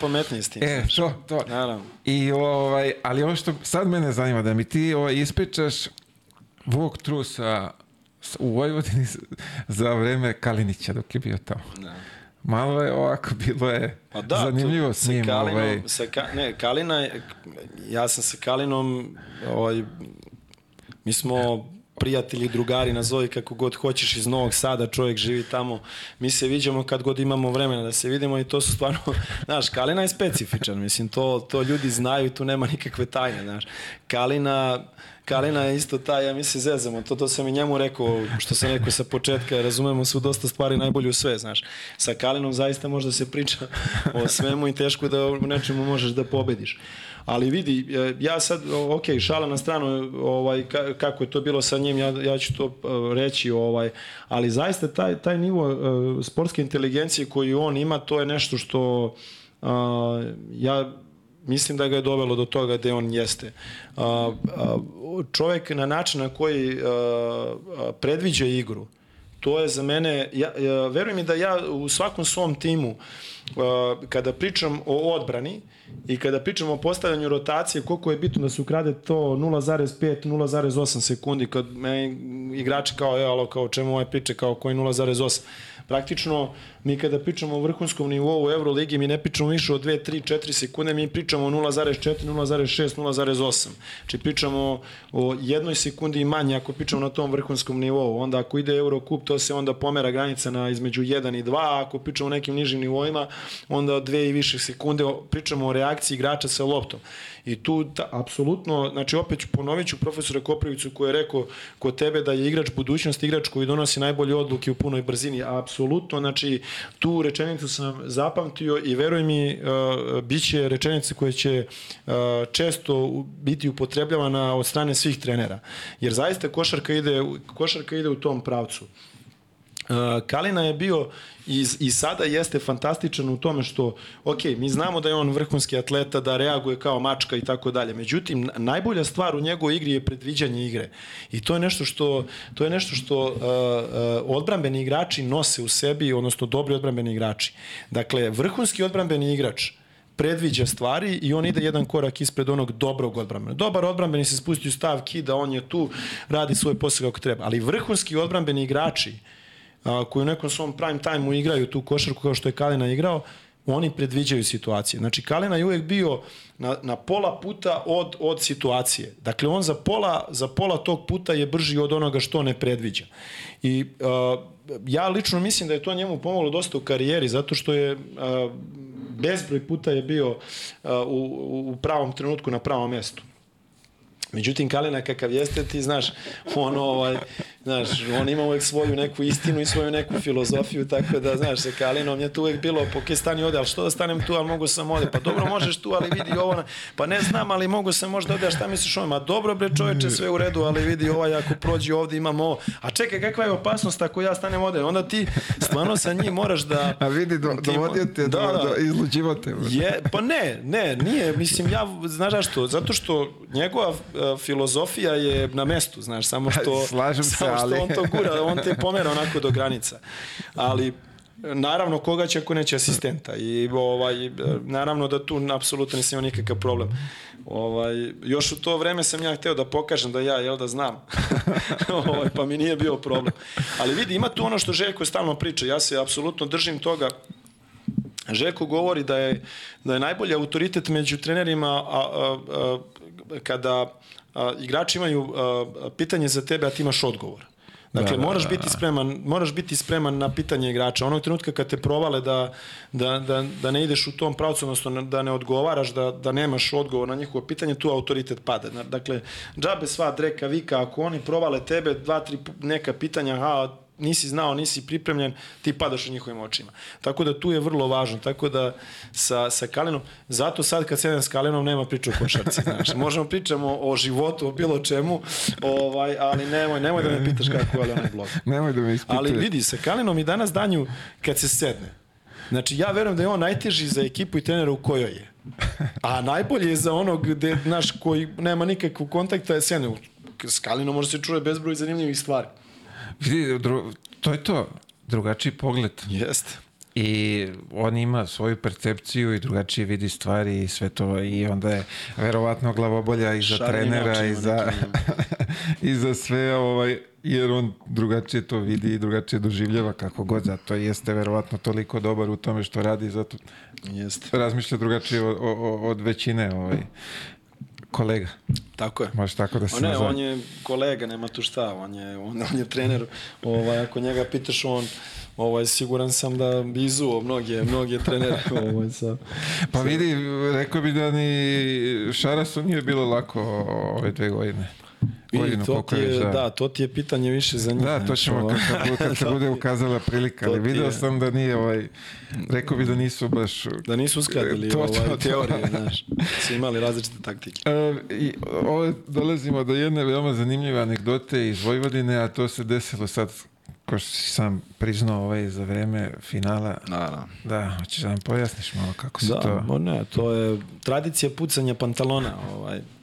Mene zezaju svi to da imam taj ovaj niski stav ovaj u odbrani ovaj kao trener i, i svi mi znaš onako već mi na ovaj upozoravaju me na to da će doći u jednom trenutku do tog pucanja pantalona ovaj sa tim iznenadnim mojim stavom da ja malo odigram odbrane tu ovaj Pa da, to se desi ono u Vojvodini, ovaj, ti znaš ovaj, da je bila ona varijanta kad je morao, ovaj, kad sam morao da se zakucam na klupu ovaj, i kad je morao ovaj, asistent da me markira od pozadi da bi nekako došao do, do slačionice, da, da, da se ne bi ovaj, ljudi smeli. Međutim, daleko, daleko ozbiljnija situacija je bila ovaj, Mislim, svako pucanje pantalona na sredu utakmice je ozbiljna, ozbiljna situacija. Međutim, daleko ozbiljnija situacija, odnosno ozbiljniji moment je bio ovaj, Bolonja, finale Eurokupa. I ovaj prva četvrtina je bila u pitanju, znači početak meča je bio u pitanju. Ja sam ovaj u nekoj situaciji onako kako sam u stavu uradio, ja sam čuo, ja sam bukvalno čuo svoje pantalone da to puklo, bam. I sad ja znam šta se desilo, odlazim odmah nazad, sedam na, sedam na stolicu i računam, ok, samo da proverem ja da niko ne vidi, sve je u redu, da vidim samo od pozadi šta se tu dešava, ja otprilike ono dodirujem pantalone na leđima, ja vidim na leđima da se to već otvorilo. Rastvore. Ja reku u redu, ajde možda ovo napred nije, nije, nije ovaj puno, puno reklo, ja pogledam napred, ono, butine se ovaj, I sad to je, pazi, prva četvrtina, ja ne mogu da uzmem time out, ja se bukvalno previjam preko, preko one stolice, ne bili me videli sa onog zapisničkog stola, a zapisnički sto je izdignut od nas, tako da bukvalno ne mogu da time out zovnem koliko sam ja prikon za tu stolicu, znaš, ne mogu da, da izađem da, da, da, da, da zovnem time out, uzimamo time out, ustajem sa sve stolicom, okrećem ga i javljam mojima u menadžmentu da treba da mi se nađu pantalone za u pauzi između prve i druge četvrtine. Imam dva minuta da zamenim pantalone. To se sve dešava u trenutku, naravno, dok alo, mi igramo finale Eurokupa, mislim, ne postoji gori moment nego to, znaš, ono, kao kakve pantalone, o čemu pičeš, ja kaže, malo ljudi sevnulo se živo, ne pitajte me ništa, najgori moment, kad možeš da, da, da, finale da. Eurokupa, gori ovako u hali, Pritom, prvi red iza nas je kompletan board member iz Turske je došao i sponzori sa familijama, došli čarter letom ljudi samo da napunili naši navijačima, ima ih koliko hoćeš iza mene. I sad u trenutku oni meni javljaju, kaže čekaju te tamo, Ja nemam pojma ni šta me čeka, uglavnom četvrtina, ja krećem gas, ali ja držim, sako sam skinuo, ja idem sa svojim sakom i kako trčim, meni ovi ljudi koji su naši navijači, članovi uprave i tako dalje, oni misle sad kao jedan da doveravam sa njima, oni pružaju ruku u tom trčanju, vuku me nazad kao bravo majstor, idemo, naš bodrenje, vuku me nazad, ostanem. Ja sa onim sakom se cimam, rekao, alo, sevnuće mi ovde pred svima. Ja nekako si izmigoljem, ja ulazim u tunel, a mene čekaju tri čoveka iz menadžmenta uh, u, u, u bokse boksericama. Skinuli njih trojica, skinuli njih trojica pantalone, znaš, onako malo porno scena. Ovaj, ja rekao, što je kao pantalone, ja od prvog uzimam, navlačim, beži ti sledeći, ovaj uskao srećan ima pantalone za utakmicu. On se sklanja, ja drugi, opa, ove odgovaraju Nažalost, šta da ti kažem, neko tvoj, tvoje pantalone uzimam. Tako da od drugog izaberem, vraćam se.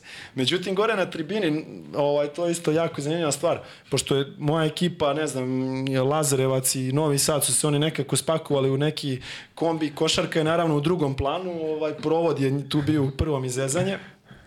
I oni su došli, tamo moj rođeni brat između ostalog sa njima, I, ovaj, i oni, oni su na tribinama gore i sad svi kad su mene videli da sam ja izleteo, oni su svi bili, znaš, ono, niko ne može da veruje šta se dešava, šta radi bre na sredu utakmice, gde je izleteo, šta mu se desi. Brat mrtav vladan, onako na kjece kaže, ma pantalone 100%. I imamo tu, kako kažem, porodičnu tradiciju Vidi, to je pucanja vjerovatno... pantalona, znaš, tako da nije bilo je, dileme za njega. To je neki loš materijal dole turski, da, verovatno ja, nisu dobro to. Da, 100%. Sad kod ovih kad budeš da tražiš dupli šof. Da, vidi sad u stav silazi malo opreznije, znaš. Sad u stav silazi malo opreznije, ali, znaš, i dalje sam lateralno jako dobro. Vidi, ali da, da se to desi u finalu, to je baš... A, a pazi, gori, ne, nema mesta. Ali ja istrčavam, mene povlače rukom nazad, kao vrati se nazad, kao bravo legendo, znaš. Haos. A dobro, nadamo se da se... Vidi, ajde ovako, nek se dešava non stop u finalima u ovim evropskim Pa da, To je- ali, znaš, Ako je to neka cena da... da, ako treba da uđemo u finale s podcepanim Pa pantalonama, može, puca, nije ne puca. Stajat će ovi tamo spremni sa, Da. sa rezervnim. Da, moram, moram, ali tri čoveka u tunelu, onako u boksericama čekaju, rekao šta, evo ljudi, finale. Haos. A, Spartak, ti si otišao gore, podigao si tu ekipu, što bi se reklo, onako brzo, kvalitetno, da su zapamtili svi ove tvoje, tvoje rezultate. Pa bila je, bila je jako ambiciozna uprava u tom trenutku koja je zaista imala velikih uh, ambicija uh, da, da, da, da, da, ostvari, uh, da se ostvari kroz rezultat u tom sportu. Ljudi koji su već bili ostvareni i sada su ostvareni jel da, u nekim drugim stvarima i uh, koji su uh, a privatno pa i poslovno bili jako uspešni nekako taj im je uh, sport, odnosno ta košarka im je došla više kao nekakav svoj lični izazov da urade nešto lepo u svom gradu i a, to su takođe bila neka mnogo lepa vremena i lepi dani. A, na kraju ispostavit će se da mi je rezultat u Spartaku i preporučio za FMP a, ali a, zaista ja sam imao tu jedno jako lepo razumevanje kompletne uprave i mi smo napravili opet neki ne, neki tim koji je, koji je igrao neku dobru košarku i uh, našli smo se opet potpuno uh, nenadano smo se našli na završnici uh, kupa. Prvi put posle ne znam koliko godina se Spartak tamo našao i uh, plasirali smo se u Superligu koju ja kasnije nisam vodio jer sam ja prešao u FMP, ali ali to je bio zaista neki onako fantastičan rezultat te godine koji smo mi napravili uh, sa Spartakom. Vidi, ja gledam ovako sad, o, ti kažeš najmlađi u ovom, najmlađi u onom, ali ti si uh, nekako korak po korak sve to lepo grabio više i bolje i što bi rekao i jače. da. Pa da što to je to je put, ovaj to je put ljudi koji nisu imali igračke karijere, da se ne lažemo. Znači a, po, jednostavno a, Mile ti kad nemaš igračku karijeru, a, ljudi te ne znaju, ti moraš da se dokazuješ. I to je apsolutno prirodan put, nema tu nema tu nema tu dileme. A, a, S druge strane, ja lično mislim da, da, da su treneri koji dolaze, kroz, koji su prošli kroz ceo taj proces, ako prežive, dakle, to je vrlo važna stvar, ako prežive, zato što u današnje vreme a, u ovom našem poslu, gde su a, treneri plaćeni a, toliko nisko da da tu su ono da to je zapravo samo da li porodica želi da te podrži u tome i da li da, da, da li je porodica spremna na tu vrstu žrtve. I onda ako su spremni da li će se to vratiti? Dakle, i to je jedno, jedno veliko pitanje, jer može da se desi da u svu žrtvu a, nije se pogodilo i, i, i ne vrati se. Šta onda? A Čemu onda sva ta žrtva? A, tu je vrlo važna podrška porodice, nebitno da su to roditelji, devojka, žena i tako dalje. Vrlo je važna, vrlo je važna podrška jer a, teško da teško da treneri mogu da a, naročito u ovim našim uslovima koji kreću sa, sa, sa tog najnižeg nivoa i koji treba da se penju ka nekom najvišem mogu da izdrže. Tako da ja sam ja sam imao da taj put od mlađih kategorija pa pomoćnog trenera, prvog trenera KLS, a vrlo važan. KLS to je vidi, to je fakultet, ono tri fakulteta, ne mogu da se zavuše šta se u tom KLS-u ovaj, sve može videti. Nažalost, tad i spominju i po ovim lošim stvarima. Tako da, da. Mislim, fakultet je i to, i isto Jest. jedna vrsta fakulteta. Vidjet ćemo kako će proći i šta će, ovaj, kako će to izgledati na kraju. Pa da. Te, kako se to i zove? Proces za istrage, kako već. Ali, ovaj, da je dobro, nije. Ali, što ti kažeš, Superliga, FNP, isto još jedna stepenica Sledeći korak. Dobri Da. rezultati. Da, FMP, mi smo tad napravili po meni možda zaista a, a, sa, a, imali smo dola, e, završena je bila ABA liga i počinjala je Super liga. I sećam se da smo tada ovaj napravili jedan a, fantastičan posao sa, s kompletan stručni štab i ja e, kondicioni koji je odradio taj e, savršen period od čini mi se da smo imali nekih tri ili malo više nedelje. I sećam sam da sam bio pitan da li želim prijateljsku utakmicu u tom periodu, da nisam hteo. Ovaj, nisam hteo, teo sam se zatvorimo kompletno da radimo, da treniramo uh, i da bile su tu neke sitne povrede, da se oporavimo, ali da se u principu zatvorimo da promenimo kompletan sistem, što je nekada ozbiljna greška, može da se desi kao, jel da, a posljedica toga da trener želi baš sve da promeni, a jednostavno nemate dovoljno vremena ili igrači ne mogu da prihvate to u toj meri, onda to samo ispadne kontraefekat. Ja nisam ni za to, ali u tom trenutku smo zaista imali sreće, promenili smo dosta toga. I tu Super ligu smo odigrali fantastično i onda je došao taj play-off koji ono sa Partizanom um, smo igrali dve utakmice u polufinalu. Mislim da, da mi je to neko rekao da sada te ne slažem, zaista ne bih voleo da, da, da iznesem neke porešne informacije. Mislim da u te dve utakmice nismo gubili više od 40 sekundi. Mislim.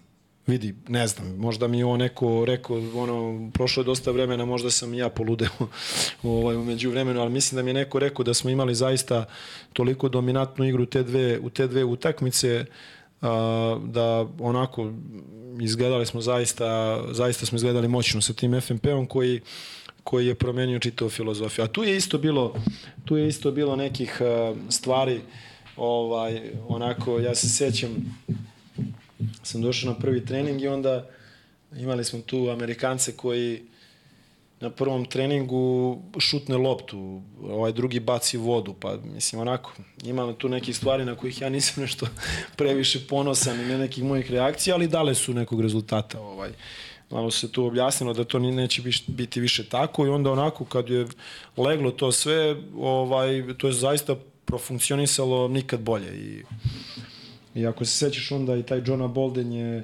ovaj, dobio ponudu čak iz NBA, pa je on pa su ustupili prava Makabiju. Ovaj takođe to je sećam se da smo i samo iz, iz, iz tog plej-ofa to kako smo odigrali da je da je onako čovjek cele super lige pa plej-ofa ovaj da je da je dobio zaista onako bile su sve oči na na njemu. Vidi, što da samo pokazuje tvoj dobar rad. Ba, vidi, bar ja to tako gledam sad. Pa ne, ne ali da znaš kako, se... tu, je, tu je bilo zaista, znaš kakvih je tu igrača sve bilo, mislim, to je, um, to je, znaš, bila generacija koja je zaista imala nestvaran potencijal a, a, sa Filipom Radanovim, Lazarević, Apić, a, a, a, Bursać je tu, a, znači bilo je tu a, takvih, takvih igrača, sad plašim se da ne zaboravim nekog, bilo je toliko mladih talentovanih igrača takođe da da je to onako bilo o, ja, sam, ja sam uživao da radim sa njima. Znaš, znaš kako, Mile, ti kad dođeš u ekipu koja, koja može, Onda sve lakše. Pa to je, znaš, to je stvarno uživanje. To, ja mislim da ne postoji trener koji ne voli ekipu a, koja, koja, koja može da radi. Znaš. A ti kad imaš mladu, onda tu samo treba se naći jedna granica da se ne pretera u tome. Da se ne bi ušlo u pretreniranost. Jasno. Ovaj, koja se izjednačava sa, sa totalnom sa totalnom neutreniranošću. Tako da a, ako se nađe taj balans u svemu tome i da ih držite non stop to za malo gladne, onda to zaista dobiješ 12, 12 kerova koji su spremni da, da ujedaju u najpozitivnijem smislu. Da, da, da, da. A, sam taj tvoj rad tamo ovaj, predložite za prvog trenera Zvezda, jel kako beš taj najmlađi u tome, jel tako?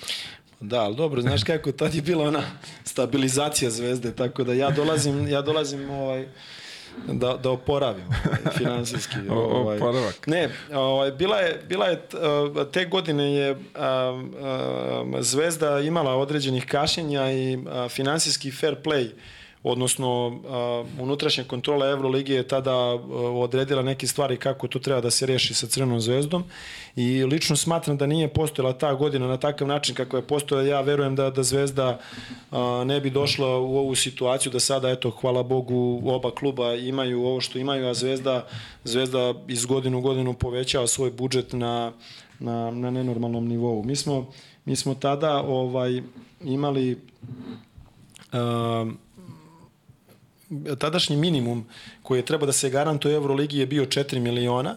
Mi smo imali ukupno za igrače i stručni štab 2 miliona i 800, uh, ostatak od miliona i 200 se pravdao kroz ulaganje u mlađe kategorije i kroz, uh, i kroz uh, troškove putovanja.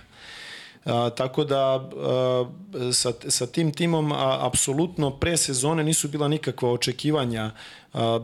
Bila su naravno očekivanja kompletnih, a, kompletne zvezdaške javnosti jer je Zvezda pre toga bila vrlo dominantna, uzimala trofeje i tako dalje.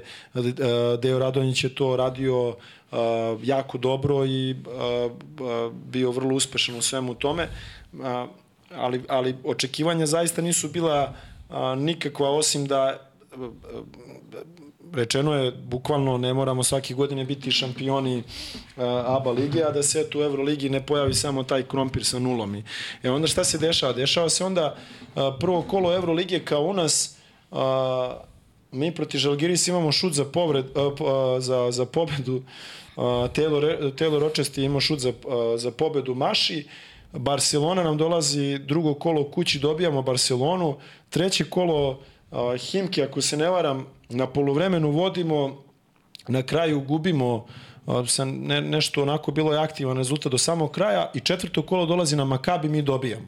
Dakle, posle četiri kola ti imaš dva, dva od toga neke dve još tesne utakmice koje si imao na strani, op, filozofija se menja. Mislim, e, sad odmah, pa da, ali uh, u principu menja se zato što javnost to tako naravno kreira i to onda posle teško zaustaviti. Ovaj, I to da. je možda i moja neka greška da ja nisam to eto malo ovaj, iskontrolisao bolje zato što tu je bilo dosta nekih mladih igrača koji pre toga nisu imali nikad u životu um, dodira sa tom košarkom. O, takođe bilo nekih igrača koji su tek po prvi put dobili ozbiljniju šansu, a koji su bili tu prisutni u Zvezdi i došlo nekih igrača koji smo mi mogli tada u tom trenutku da priuštimo o, na marketu za, za nas. Tako da o, ovaj završilo se završilo se po meni vrlo uspešno u Euroligi gde je premašen daleko premašen broj pobeda o koji se očekivao u čak ako pravimo poređenje u odnosu na u današnju Euroligu, četiri utakmice su se manje igrale. Bila su dva protivnika, odnosno dva tima manje. Mhm, mhm, mhm, da. I završili smo u ABA ligi u, u, u tom regularnom delu na prvom mestu i onda to finale, mislim, to više da, da se ne priča, to je više ispričana 680 puta priča. A me zanima ta, tvoj motiv kad ti postaješ trener Crvene zvezde. To jest, uh, strah i motiv. Znaš kako, ja, ja zaista... Uh, strah postoji od Boga, ovaj, ja sa 32 godine uh, više si lud i ambiciozan da, da, da, da, da, da neki, neki, potencijalni, neki potencijalne probleme čak u tom trenutku ni ne vidiš. Ovaj, nositi i taj adrenalin i želja za, za, za radom i ovaj, uh, misliš da, da u tom trenutku ti vladaš tom situacijom. I ja zaista mislim da kad se podvuče crta posle svih ovih godina, kad ove neke brojke ovako iznesemo, zaista mislim da tu apsolutno ništa pogrešno nije bilo. Osim ovo što sam rekao da da sa moje strane možda neke stvari smo mogli mogli možda drugačije da Ako može, e, da, samo da, da drugačije da drugačije da drugačije to malo iskontroliše. A, ti, kako reče, sa 32, ali tako se pritisak javnosti, što si rekao sad, posle dve pobjede, to se odmah menja od onog plana, daj da ne bude ovaj krompir, da. do toga ajmo u play-off, ajmo ovo, ajmo ono. Da. Teško je iskontrolisati, očekivanja su velika, pritisak još veći, posle svake, svakog poraza to je, zna da bude onako baš bolno. Pa bude, bude bolno, zato što, e, vidi, ja zaista e, ni ne tražim kako kažem, e, nije, ja nisam ni u jednom trenutku tražio nikakvo razumevanje, niti sam se ja nešto trudio da, da, da objašnjam previše situaciju.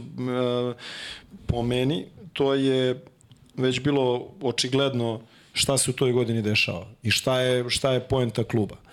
Um, Ja sam imao tri godine ugovor sa klubom, mi smo se prijateljski rastali posle prve, zato što posle tog finala u Podgorici ja više onako poprilično i emotivno a, skrhan posle svega toga sam rekao da ok, ovo ne nailazi na nekog preteranog razumevanja šta smo mi uradili, bit će sve teže i teže.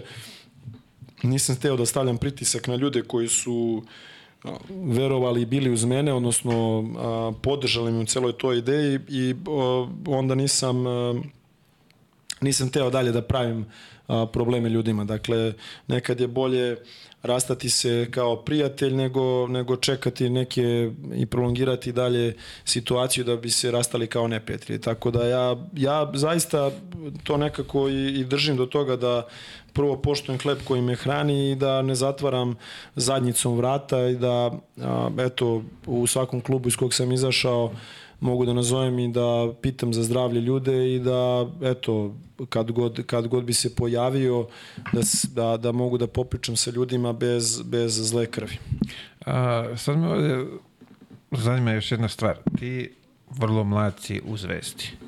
Tamo su već igrači koji su stariji od tebe, tu su duže godina, iskusni su, sve to vodi. Kako a, iz tvog ugla, kako a, ajde kažemo da postaneš autoritet njima?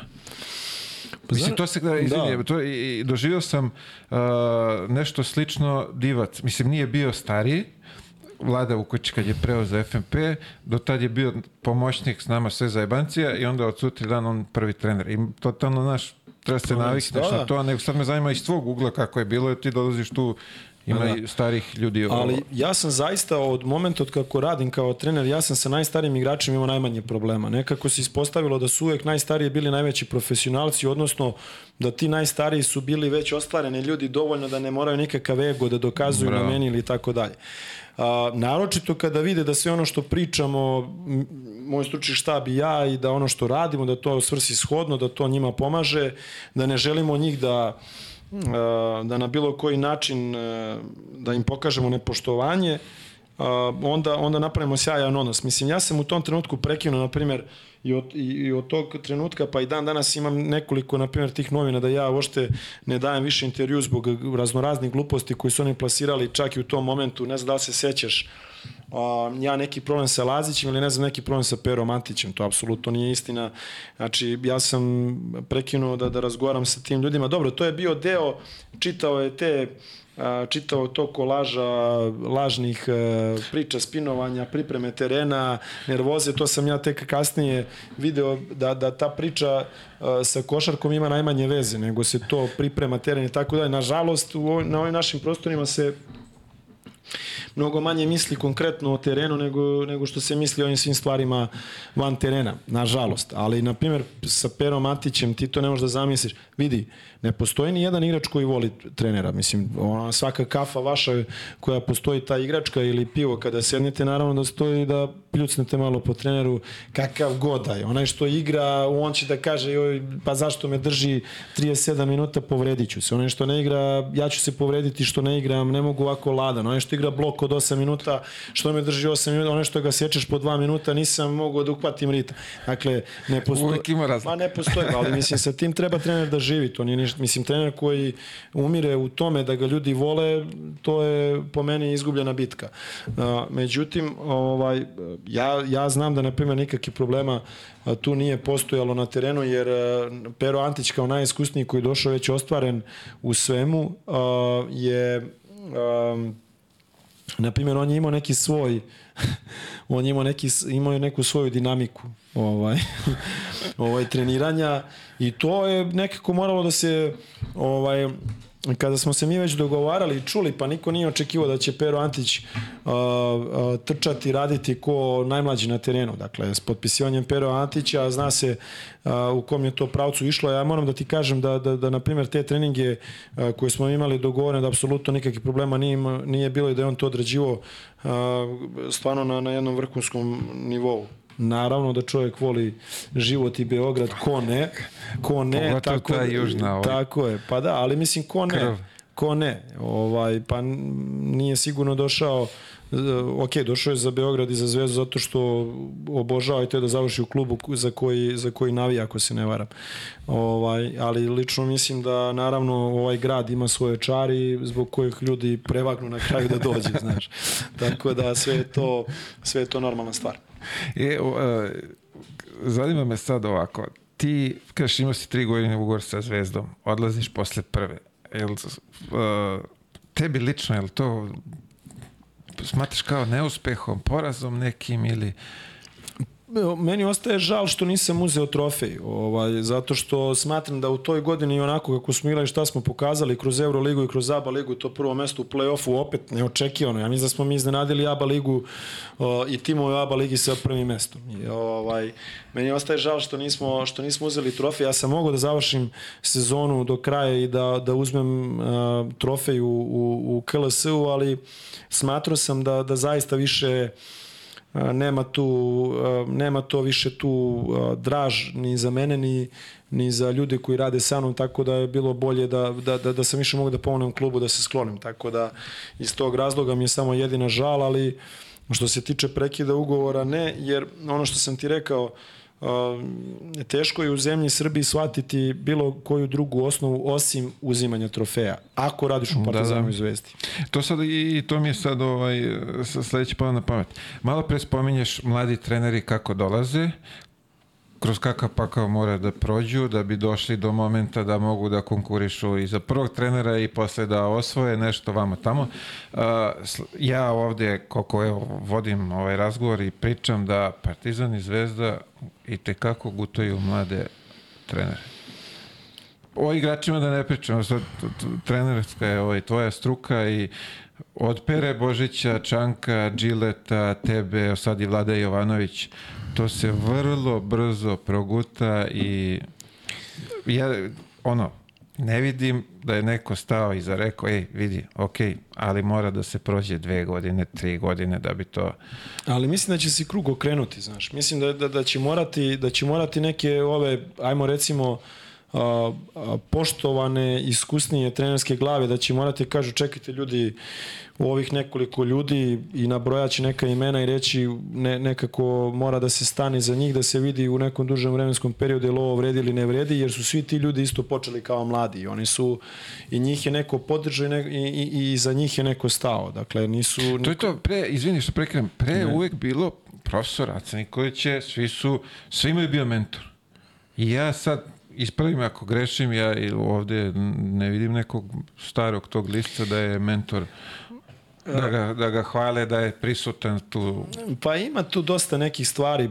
Prvo, ljudi nisu spremni da dele svoje znanje tako otvoreno, to je prva stvar. Druga stvar, vreme. Znaš, vreme mi smo postali, nažalost, robovi uh, nemanja vremena i mi smo jednostavno, ja verujem da, da, da, da sad treneri onako i kada završe sa svojim obavezama, uh, verujem da nekako hoće samo malo ili da odmori, da li posvete to ne, malo slobodnog vremena svojoj porodici, gde će on još da sad edukuje nekog tamo mladog trenera koji možda nešto znači, možda ni ne znači. Uh, ja, ja moram da ti kažem da ne znam, ti kada uh, se nađeš na tim nekim seminarima sa, sa ljudima i kada počneš da pričaš sa tim trenerima, ti tačno vidiš ko želi da, da deli znanje, da priča o svemu. Ja sam bio uh, kod, kod Žejka, zvao sam i pitao sam u trenutku kad sam završio u Zvezdi, pitao, pošto sam imao jel da, višeg slobodnog vremena, ja sam pozvao i pitao da li je moguće da se dođe da se gledaju treninzi u Fenerbahče u tom trenutku je on bio i to je možda, ne znam, tih 7 do 10 dana, ne znam koliko sam beše bio, to je, nema, tu ne mogu da stane 15 klinika. Ovaj, to, to vreme ovaj, sa njim na, na treningu, van treninga, u kancelariji, u, u pripremama, to je čovjek koji zaista ti daje sve što želiš da čuješ i i šta želiš da pitaš. I neverovatna ta energija i njegova harizma, posvećenosti da ti, da ti izađe u susret oko svega, što apsolutno nema potrebu da, da ti radi, to je nešto, to je nešto zaista posebno. Znaš. Sedeo sam, ovaj, naravno, klinike su nas neke spojile, Dule Vujošić je tu vrlo otvoren u smislu da kad ga, kad ga pitaš neke stvari da, da je zaista spreman da ti odgovori na sve, da ti pomogne i tako dalje.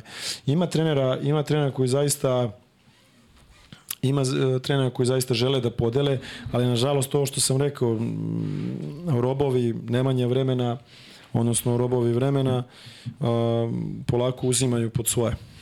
Ha, ajde sad, evo, nadam se da će, ovaj, što bi se reklo, i to ovaj, da, da rešimo, da nekako da ih malo odsvestimo, da bi trebali malo više da posvete pla, pažnje mlađima koji dolaze, da nađu nekog svog favorita gde vide da je neko talentovan, pa da malo pokušaju da ga oblikuju, da mu Nije, ne mora to 24 sata, to je 5 minuta razgovora može da pomogne nekom Kako ne, pa mladom mislim, treneru. ne, ne, to je neprocenjivo, neprocenjiva stvar.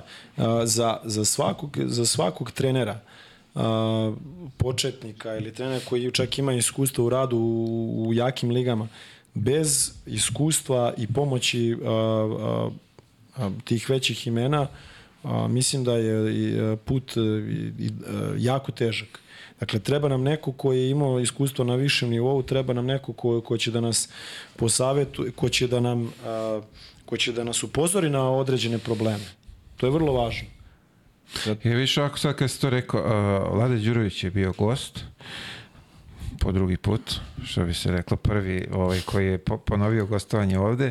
I on je baš uh, u razgovoru rekao da uh, donekle, sad ne mogu baš tačno ponovim kako je rekao, ovaj, od reči do reči, ali u suštini da bi trebao neko njega da pozove da bude savjetnik negde, da može to što kažeš, ne treba tu sad mnogo, jedan savjet da ti da, ej, pripazi na ovo, možda se desi, ako ne obratiš pažnju, da, da bi to mnogo značilo. Ma, ma da, znaš, znaš kako je to sa trenerima, ja, ja to stalno pričam u tom mom društvu, ja, uh, naročito kad je mlad trener i on kreće, on misli da, on misli da zna sve.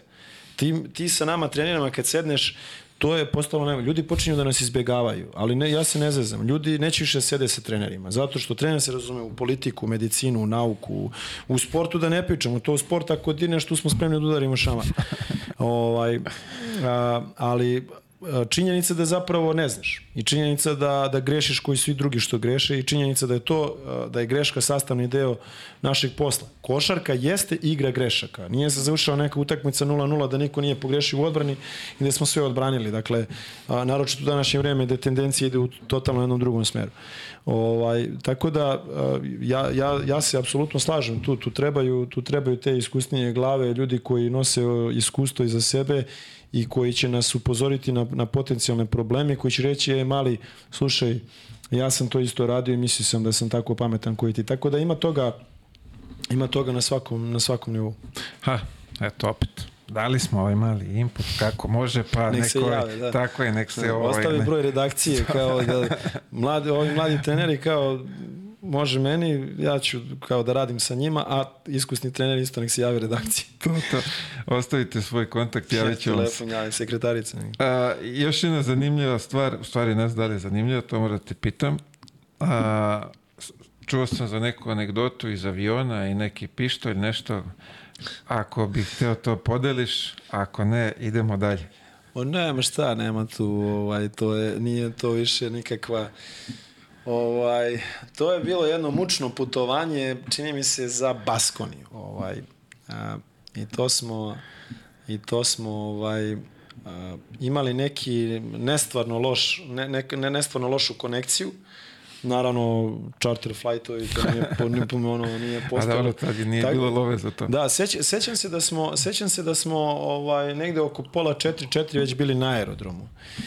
I mi dolazimo... Pekarski. Da, da, sad možeš misliti ono kad krećeš već od kuće i tako dalje, tu spavanja nema, to je ono najgore spavanje od sat vremena kad se budiš, ne znaš gde se nalaziš. Da, da, da.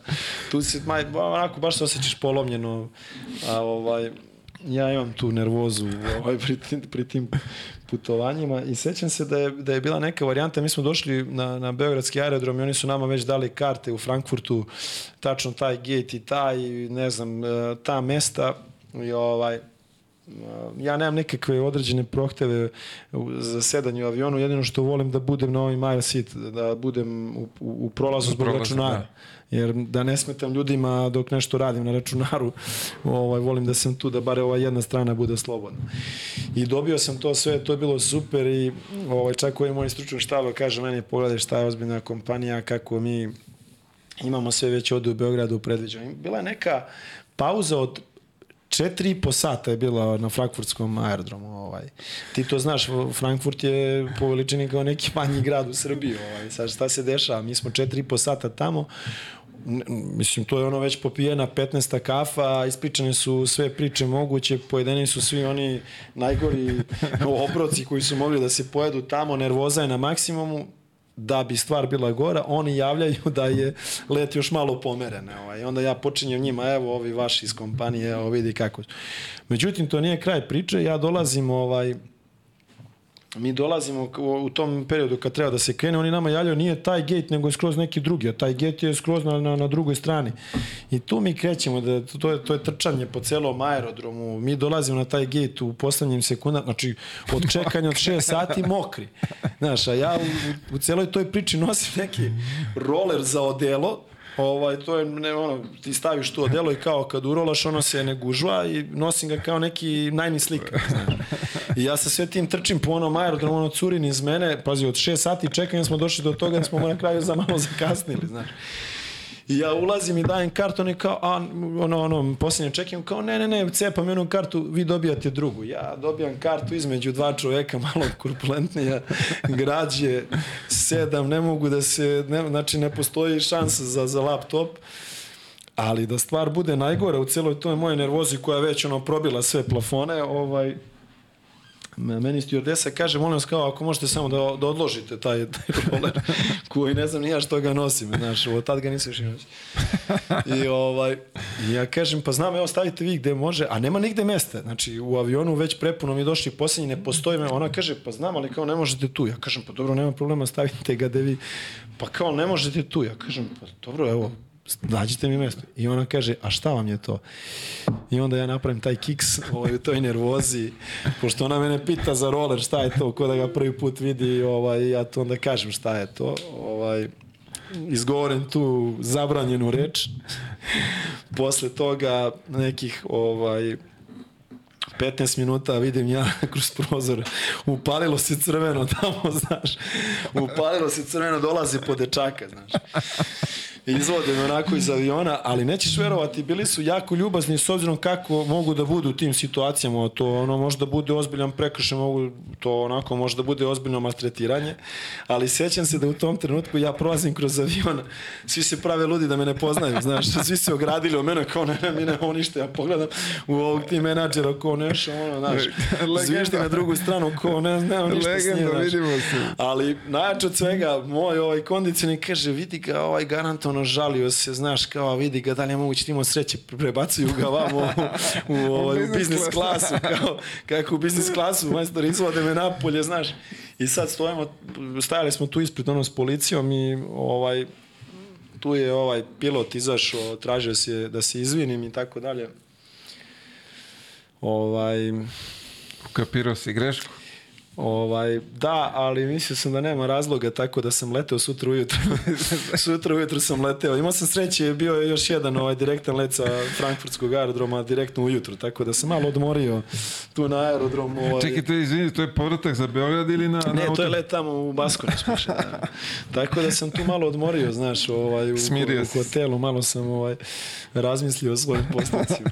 Ma ne, ali to je onako ostala je Ne, ali vidi, de, dešavalo se, znam, kasni let, oni gate promene, šalju te na drugi, ti izgubiš ako ne gledaš po onim televizorima, nemaš pojma desi i onda pa trka, možeš trka, misliti juri. šest sati čekamo, znači četiri i po sata pa ti već bilo mnogo, pa on je prebacio još kao sat i po, pa ti više ne znaš šta ćeš sa sobom, pa i onda ti dolaziš posle šest sati, oni kaže pa nije taj gate nego ovaj drugi, ti onda od šest sati čekam za ulazak, ja dolazim, sećam se sav gola voda, znači maraton istrač, ono, a, a to su bili potpuno dva različita gejta.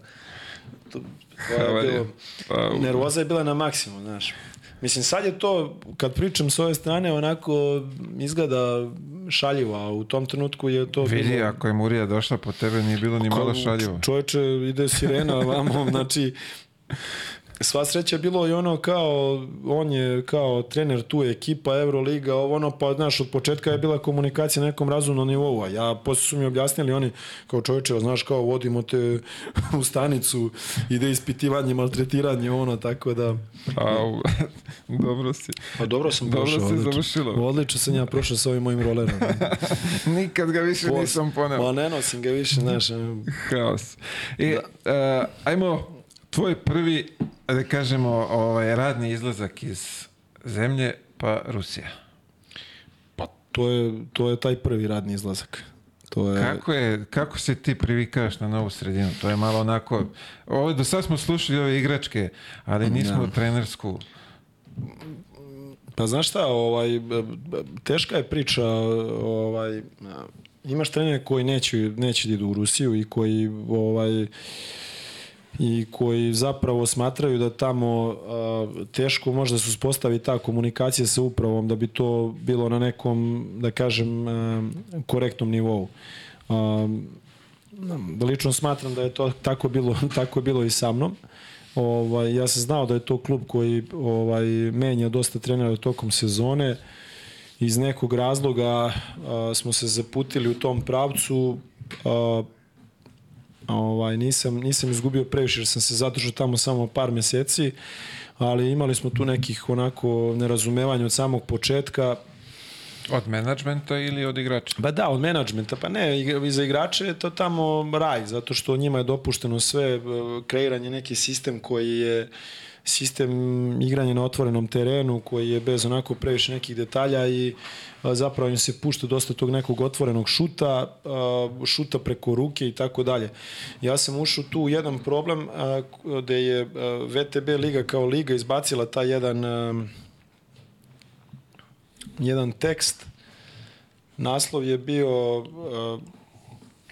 kako Alimpijević uh, je promenio uh, stil u smislu igre i tu je bilo izračunato koliko manje se uzelo tih, tih šuteva preko ruke, koliko je više uključeno igrača u rotaciju, manje primljenih poena,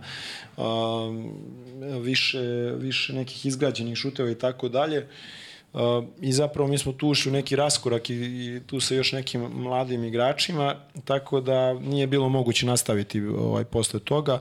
Ono što ja mogu da kažem jeste da je taj klub do kraja ispo vrlo korektan i on je isplatio uh, ugovor uh, do kraja, iako sam se ja zadržao tu samo par meseci i eto, ovaj, uh,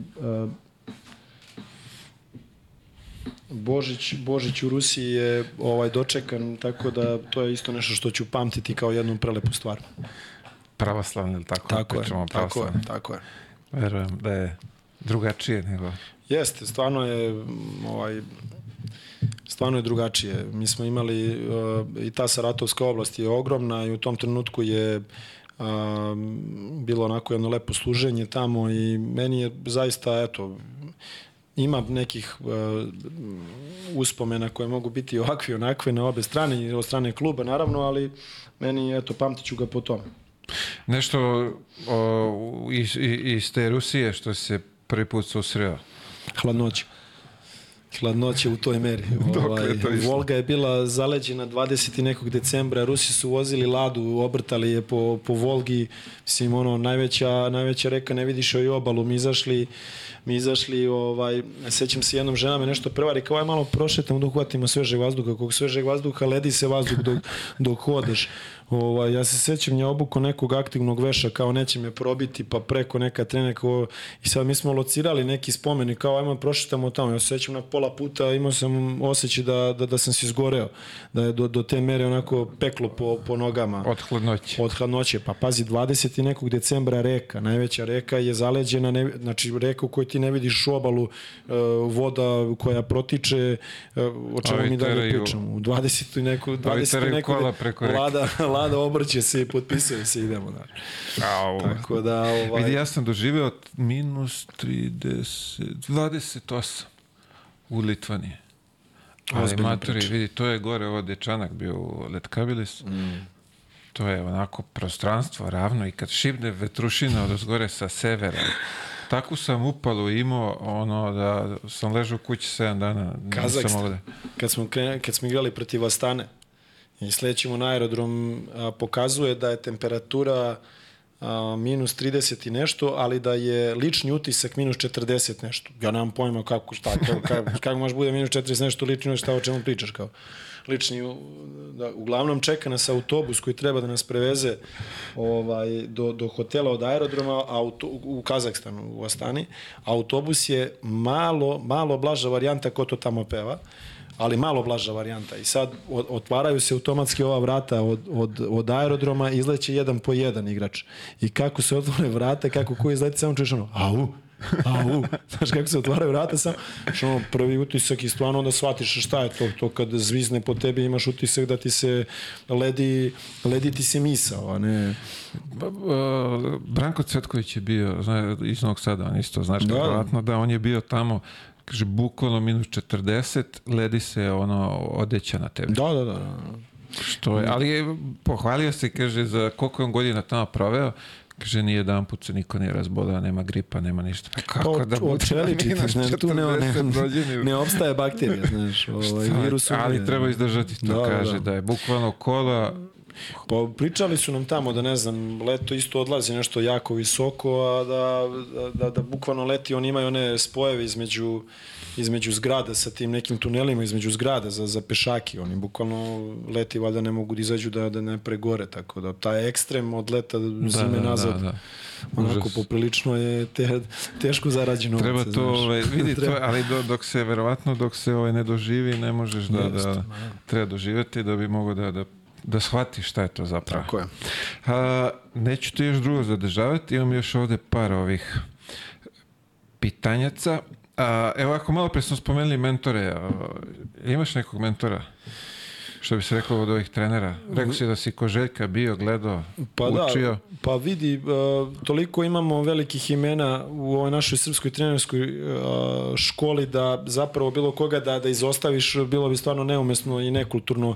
Ovaj, gledajući sve te trenere, način na koji radi, način na koji su radili, njihove filozofije, Uh, ako želiš, ako si otvorenog uma, možeš da naučiš i te kako.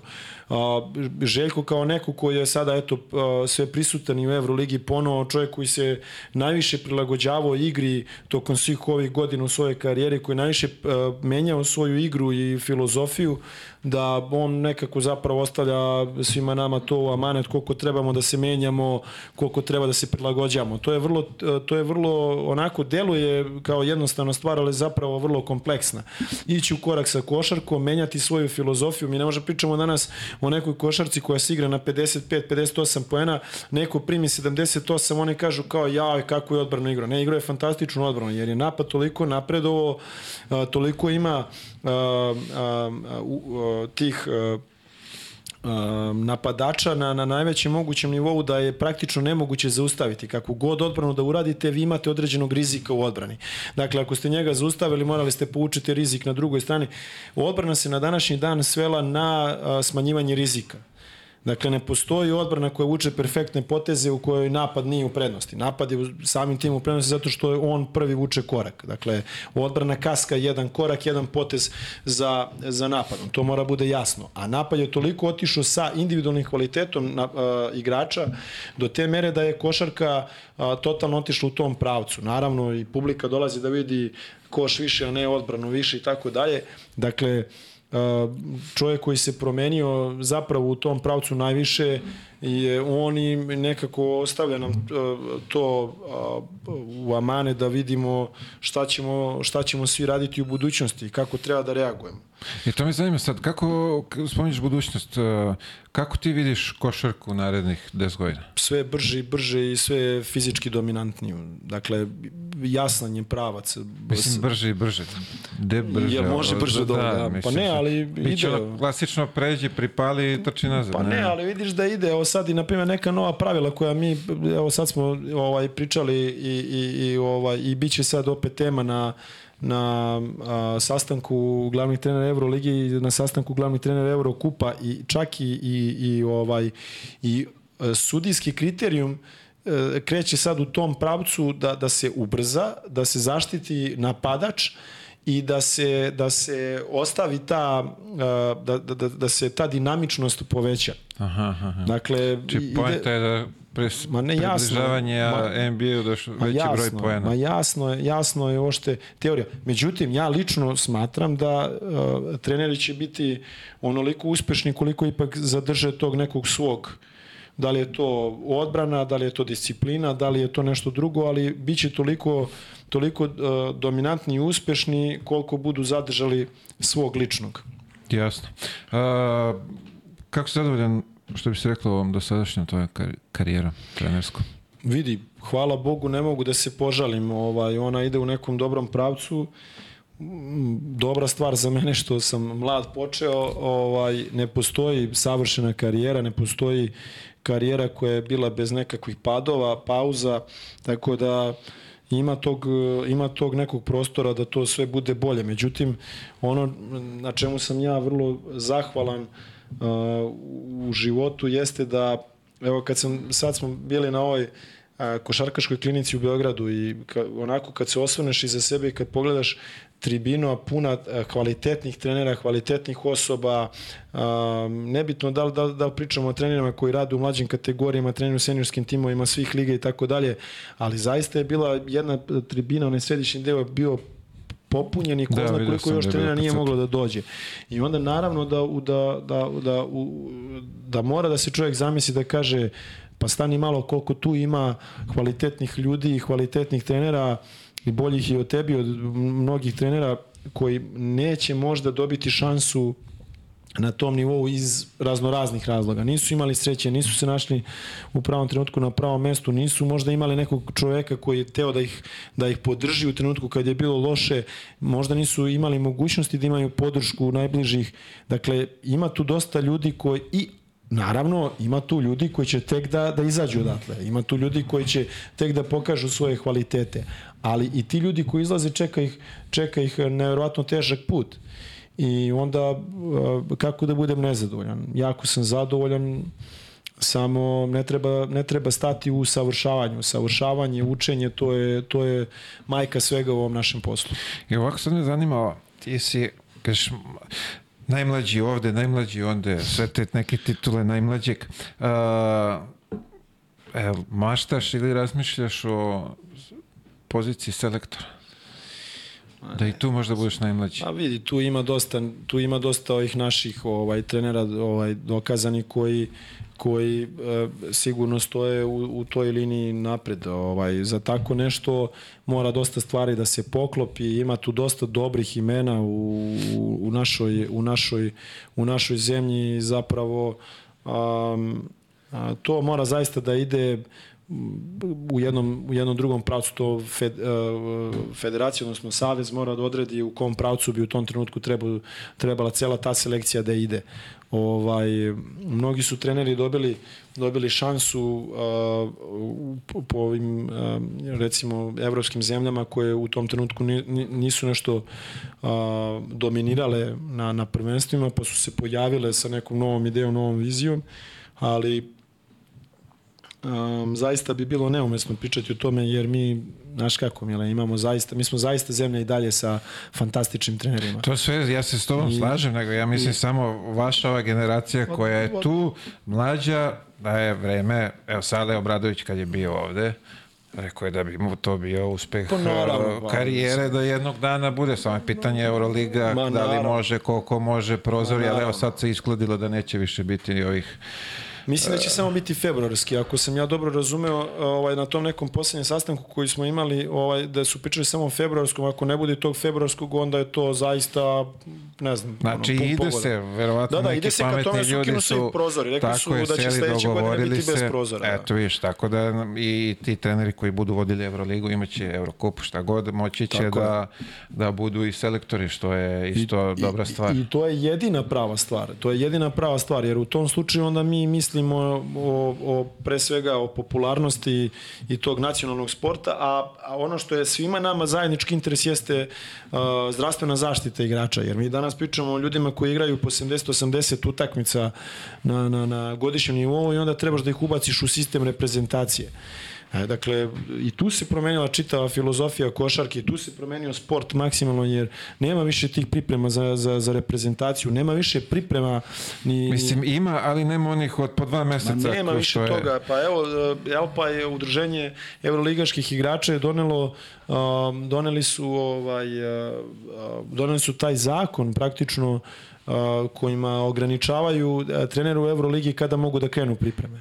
Dakle, imaju propisani nedelje, koliko nedelja pre uh, početka od Euroligi i koliko nedelja od pre početka o, o nacionalnih prvenstva. Ti možeš da kreneš ako hoćeš, ne znam, uh, sedam nedelja ranije da nazoveš to open gym ali nije, nije obavezno za nije obavezno za igrače. Bro. I ti to ne smeš da nazoveš obavezom igrača. Dakle, ti možeš da kažeš svom timu, ja krećem sada 14. avgusta i to mi open gym biće do 20 i ne znam kog, av, kraja avgusta. Ne možeš da kreneš. Ne? To je ovaj princip što u, u Americi ima, Tako da je, imaš tako onaj, je. kako se već to zove, taj deo i bukvalno, ali viš kako kod njih, a, tamo, a, bio si, ali tako, ti si išao na dva lige, da, sve ću pitam i za to. A, ali ovo me za, a, tamo, igrači dođu, treniraju, treneri su tu, ali trenere ništa ne da Da, ne smeju, ono, može brati loptu, ali nema nikakvih Ne, instrukcija. o, o, u mom slučaju ovaj ne, sedao je sa strane, Da. gledao, onda evo da, imaju lopta, istočne zagrajte se da. malo i onda cepaj onaj Da, da, pick da. up game 5 na 5, šta ko posle To hoće. naročito na koleđima, to je, to je izračunato u sate, znači koliko leti smeju sati da provedu u sali. I To sam je, tek sad skoro čuo, da nisam Da. ni znao da to postoji. Da, da, da, to je, pa mislim ide sve u tom pravcu što smo pričali, da ih zaštitimo igrače da, da bi oni mogli da pruže svoj maksimum na nestvarne fizičke napore koji uh, imaju, uh, jer Mile mi pričamo danas o situaciji u kojoj ti imaš 70, 80, 60, tako je na nekom nižem nivou utakmice. I, i, I onda dođe neko i priča o košarci gde, gde se igralo 28 ili 30 utakmica za sezonu. U moje vreme, ali moje ono, vreme, da se naglasi, u moje Znaš, vreme. Mora, mora, moramo malo ipak da pomerimo standarde. Neke, Pa, apsolutno sam za to da sve bude ovaj, u balansu, da bude za, dobro i za jednu i za drugu stranu.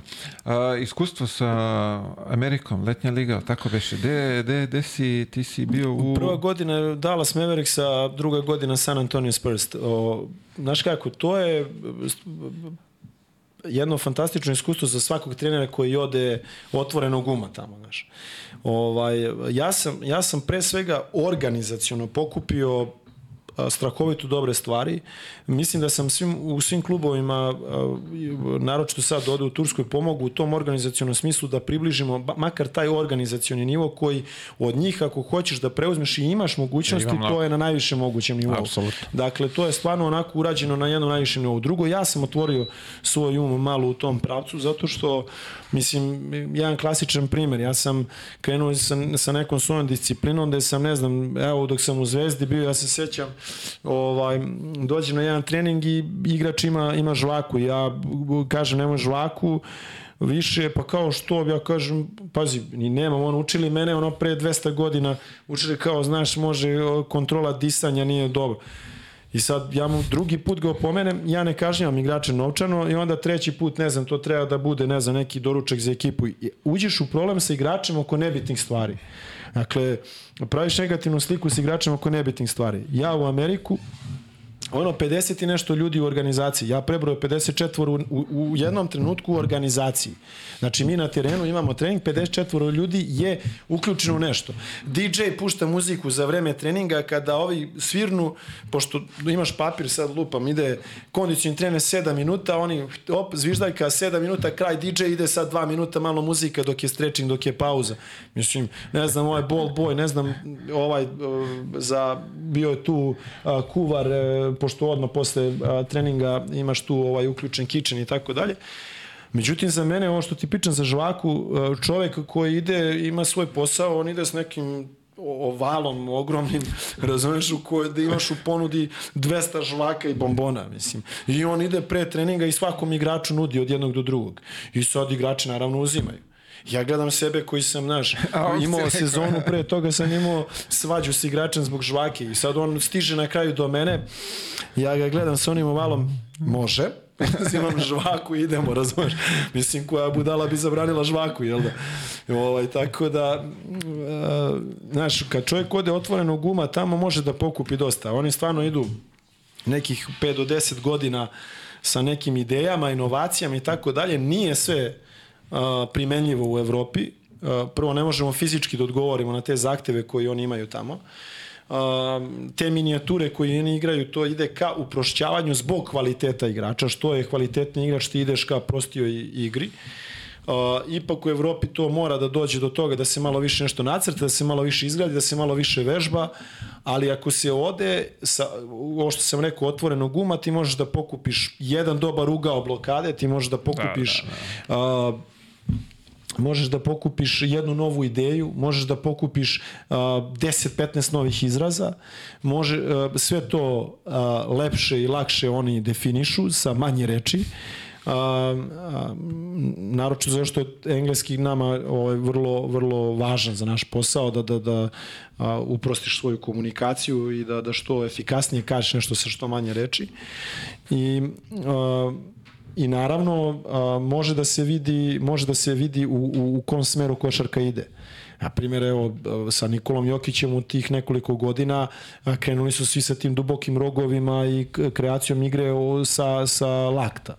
Naravno, nemaš ti Jokića, ali se onda došlo do toga da je, da je ta pozicija lakta uh, vrlo teška za branjenje kakav god da ti je igrač ako malo ima nekog nivoa prepoznavanja igre da je jako teška za odbranu kada ti njega spustiš ispod nivoa perimetra odnosno kad si u liniji 3 poena i kada ti dođeš na, na, na, na lakat poziciju imaš nekog killer skorera koji dolazi po taj hand off i imaš nekog igrača koji može da iskreira nešto. Ti moraš tu opet dolazimo do faktora rizika ti moraš da izabereš šta rizikuješ da li ga braniš preko ideš ispod ideš između i ti si u svakoj od tih opcija donji U smislu, da, da. ti kaskaš jedan korak. Tako da, ovaj, e, ja sam imao, imao sam tu sreću stvarno da, da uz dve predivne organizacije sa San Antonio Spursima ta poslednja godina to je bilo nešto neviđeno. Ja sam uh, u isto vreme tu je bio uh, uh, Pera Božić, Jogi je si upoznao skoro, čoveka koji je, mi se zezamo od Lajkovca pa do, do, do koleđa, a, ovaj, a, jedno ime koje Nemanja koji pravi jednu lepu karijeru i čuće se vrlo brzo za njega još više u, koji će biti u vrlo dominantnom a, koleđu. Bio je Tomislav Mijatović koji je već 14. sezona a, pomoćni trener u, Efesu. u Efesu, a koji je, ja ne znam već koliko godina, skoro 12 godina sa San Antonio organizacijom. Ovaj, I bio sam ja.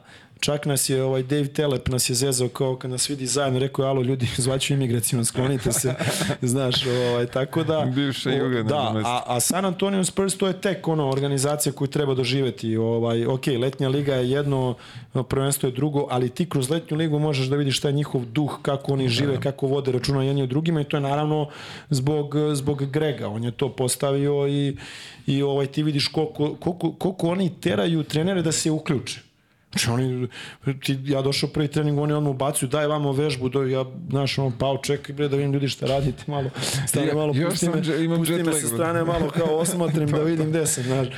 Taj, nema to kod njih, odmah ulazi, ajmo dvamo lopte, daj, ode vežbu, o, znaš, i onda ti se osjećaš tu jako lepo.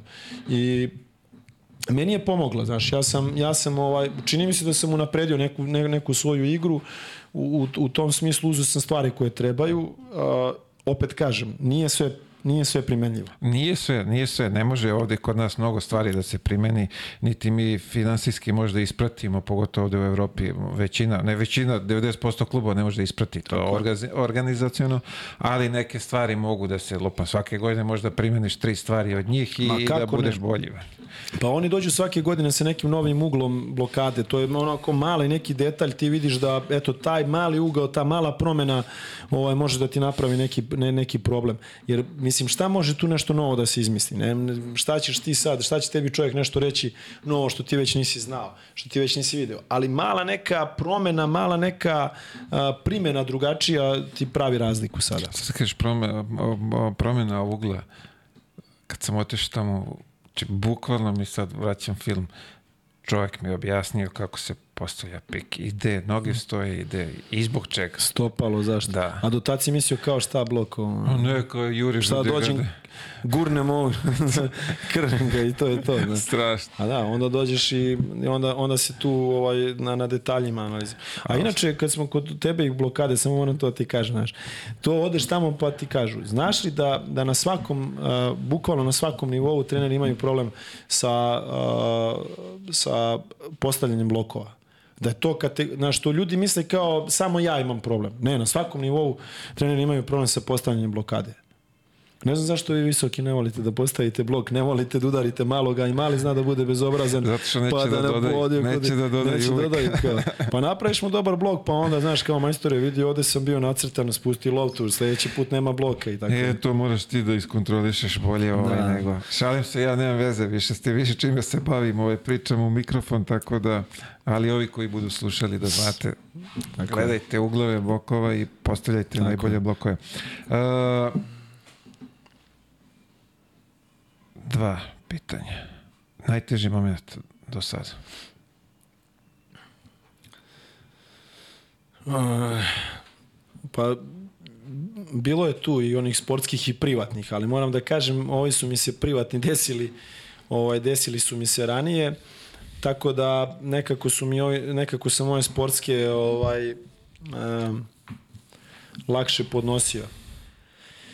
Bilo mi je, izuzetno mi je bilo teško to u finalu ABA lige u sportskom, u sportskom smislu, a, ali eto, imao sam, imao sam te neke porodične tragedije gde sam onda shvatio da u principu život je zapravo mnogo veći nego, nego, nego jedna utakmica, jedna lopta, jedan zicer, da zapravo sekunda ti je tu da eto, si postojiš ili ne postojiš i onda zapravo shvatiš koliko je u stvari život jako lep, koliko je a, koliko treba da cenimo život i koliko treba da uživamo. Jer a, a, možemo se oporaviti možemo se oporaviti od svega, ali a, neke a, ljude, dragi, bliske, a, koje izgubimo, njih ne možemo nikad vratiti. Treba život ceniti i treba, treba živeti, živeti trenutak.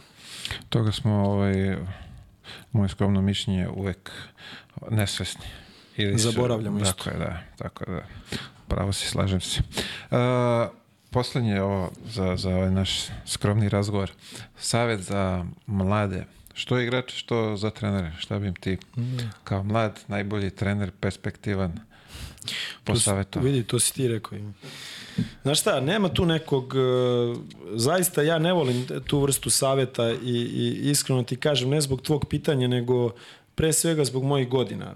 Ko sam ja da sa 37 kažem šta je savet, ovaj, ali... Pa e, neke smernice, Da. da. čisto, ne mora bude Ne, zna, da, na, znaš kako, to ja zaista, sma, ja zaista smatram, ja sam pričao, pazi, ja sad, jel da, imam mlađe kolege, znaš, ja sad mogu da kažem da te neke, neke kolege koje nešto smatraju da bi možda mogli, imao sam ove, ove godine i prošle godine, to moram da ti kažem i to me jako raduje, gde dolaze treneri Uh, i ulažu u sebe uh, tako što ulažu u svoje putovanje, dođu i gledaju treninge, borave, budu 5, 7, 10 dana, gledaju treninge i znajući koliko je meni značilo odlazak kod trenera uh, kod kojih sam bio da gledam treninge, uvek sam uh, uh, uvek rado prihvatam sve, sve kolege koje pokažu bilo kakvu neku želju da i misle da mogu nešto da nauče ovaj, ili da vide novo, ne mora ni da nauče, neka vide novo pa makar i pogrešno da ne rade tako. Ovaj, ali uh, ono što zaista svima pričam, a, ne postoje dobri radnici. Dakle, ne postoji, a, ne postoji više, izgubila se kategorija dobrog trenera, dobrog asistenta, izgubila se kategorija svakog dobrog radnika. Nebitno da li pričamo o ekonomisti, pravniku, konobaru, medicinskom radniku, ne postoje dobri radnici i to je najtraženija kategorija. Dakle, ja lično smatram da u svakom klubu da na, na svakom nivou, ako postoji mlada osoba, ne mora mlada, srednjih godina, nije uopšte važno koje godina, uh, osoba koja vodi računa o tome, pre svega koga predstavlja. Svojom pojavom kada se pojavi da li na TV-u, da li, na, na, da li u svom klubu, da li pred roditeljima dece koju trenira, da li nebitno kad sedne u restoran, kafić, nije važno. Ako je svestan činjenice šta predstavlja kada sedne i koga predstavlja. Ako je profesionalan, profesionalno znači da svoj posao radiš a, najbolje moguće što znaš u tom trenutku, da dolaziš na vreme na svoj posao i ranije, da izlaziš poslednji i da si uvek na raspolaganju svim ljudima s kojima si okružen, svojim saradnicima, igračima, naravno menadžmentu, rukovodstvu kluba. To je tvoj posao. Da shvatiš da ne postoji tvoje radno vreme, da je tvoje radno vreme 24 sati, da će te svako krenuti kad god on poželi. A ti opet moraš da sačuvaš neku dozu ljubaznosti i profesionalnosti u tome da odgovoriš na sve te pozive. Ako, ako imaš dobru radnu etiku, ako si posvećen, ulažeš u sebe, vidi, već ove sve kategorije koje smo mi nabrali uošteni su lake. I na sve to, ako si spreman odricanja, da u početku svoje karijere misliš o, a, o karijeri, a ne o novcu, jer misleći o karijeri novac će možda doći, ali misleći o novcu karijera sigurno neće doći. A, I ako si spreman da ideš hrabro tim putem, ja verujem da ne postoji ni jedan klub koji može da ignoriše takvu osobu. Ne postoji. Znaš zašto? Zato što sve je toliko postalo laž, sve je to toliko postalo a, a, fake, sve je to postalo samo neka slika, samo neki moment da se pokaže gde je šta bio, samo da bljesne, ne mora više da postoji prevara, da siguran sam da ovo što je pravo i što traje, da, da mora da ispliva. Dakle, mi smo dotakli, mi smo dotakli jedno skoro pa dno u svemu ovome i ja zapravo e, za, e, verujem, duboko verujem da će se svi oni mladi ljudi ja pričam stalno o mladim ljudima, ne pričam možete o mladim ljudima, pričam o, o dobrim, dobrim radnicima, dobrim trenerima da će morati da isplivaju da naprave smenu ovoga, jer ne verujem da će iko lud više ulagati ovoliko novca u, u, u nešto što je prevara. Lepo si to rekao. Nadamo se da ćemo doživjeti taj ovaj moment. Slažem se, mnogo fejka, mnogo svega lošeg da to što ti kažeš bljesne je oko nas, živimo u takvom vremenu. Ajde da, što bi se rekli, evo malo postaknemo ih opet da, da, da se trude, da, da koliko god šta god da rade, da rade maksimalno i na kraju isplatit će se sigurno. Uh, vidi ovako, imamo ovde jednu molbicu za jedan lep potpis skupljamo potpise, kakvih a ovde ćemo sve, dati... Da, kakvih se ovde potpise imam, ne znam da, da li da stavljam ja ovde svoje... Ovaj, pa imamo skromnih, da, ne znam koliko tačno.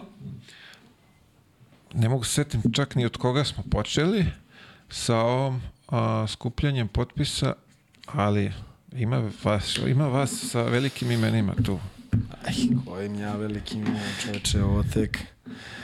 Tek, tek Uglavnom, se pozicioniram na ovu loptu. Je. A, skupljamo potpise, da ćemo na neku aukciju od sredstava koje budemo ovaj, skupili, a, poklonit ćemo neko kome bude potrebno u tom momentu. Evo ovako imamo i od Matijaševića Vinograda Rock and Rose da razbiješ ove vrele dane. Hvala ti. Rashladi, Vrlo uživaj. Rado. Vrlo rado uživanje. Ja mislim, ako se opet sam dobro zapamtio, 2002. bronzano na, na, na Balkanu. Bravo. Tako da je ovaj, Bravo. samo dobre stvari su ovde. Uh, veliko ti hvala na izdvojenom vremenu. Bilo mi je zadovoljstvo ovaj, ugostiti te, razgovarati i želim ti svu sreću u predstojećoj sezoni opet neka finala da doguraš da to, i trofej hvala neki. Ti, hvala ti najlepše. Prvo hvala ti lepo na pozivu. Zaista rekao sam ti uh, da mi je zaista čast i zadovoljstvo budem ovde kod tebe. Rekao sam ti već šta mislim o tom podcastu i šta si napravio, kakvu vrstu uh, pozitivnog pomenanja si napravio samo u mom okruženju da ne idem dalje i zaista mi nije bio problem za, za ovo izdojeno vreme, već naprotiv zadovoljstvo pozvaću te ako bude prilike da, da budeš i gost ovaj, Bešiktaša, ako stvari krenu dobro. Vidi, ovaj, ne verujem, ne sumnjam da, u tebe. Tako da, ovaj, znaš šta, moram ti se retroaktivno pojaviti sa, sa nekim ovaj, poklonom i uspomenom iz, iz tog kluba, tako da hvala ti još jednom stvarno na, na, na pozivu, meni je bilo zaista prijatno sa tobom. Uh, još jednom, hvala mnogo. Istanbul je blizu, imamo direktnu liniju, ne moramo o, bursa i ovo je malo verovatno bilo je komplikovano za doći, Jest. sad je svima mnogo lakše i od trenera koji budu hteli da dođu kod tebe da, Jest. da uče, da gledaju. A i da me zamene. I njima, A dobro, vidi, verujem da i njih ima u redu i tekako ovaj, cupkaju, čekaju, ali ne sumnjam u tebe, ovo sve si dobro do sad radio, samo teraj dalje i ne osvrći se, što bi se rekla, šta ko priča, cepaj svoj, svoj ovaj put, kako si zamislio, teraj dalje. Još jednom, puno sreće u narednoj sezoni, tu smo, pratimo, bodrimo, a ako se ukaže prilika i posjetit ćemo Hvala se. Dragi prijatelji, bio je ovo Dušan Alimpijević, a mi se vidimo već sledeće srede. Svako dobro i doviđenja.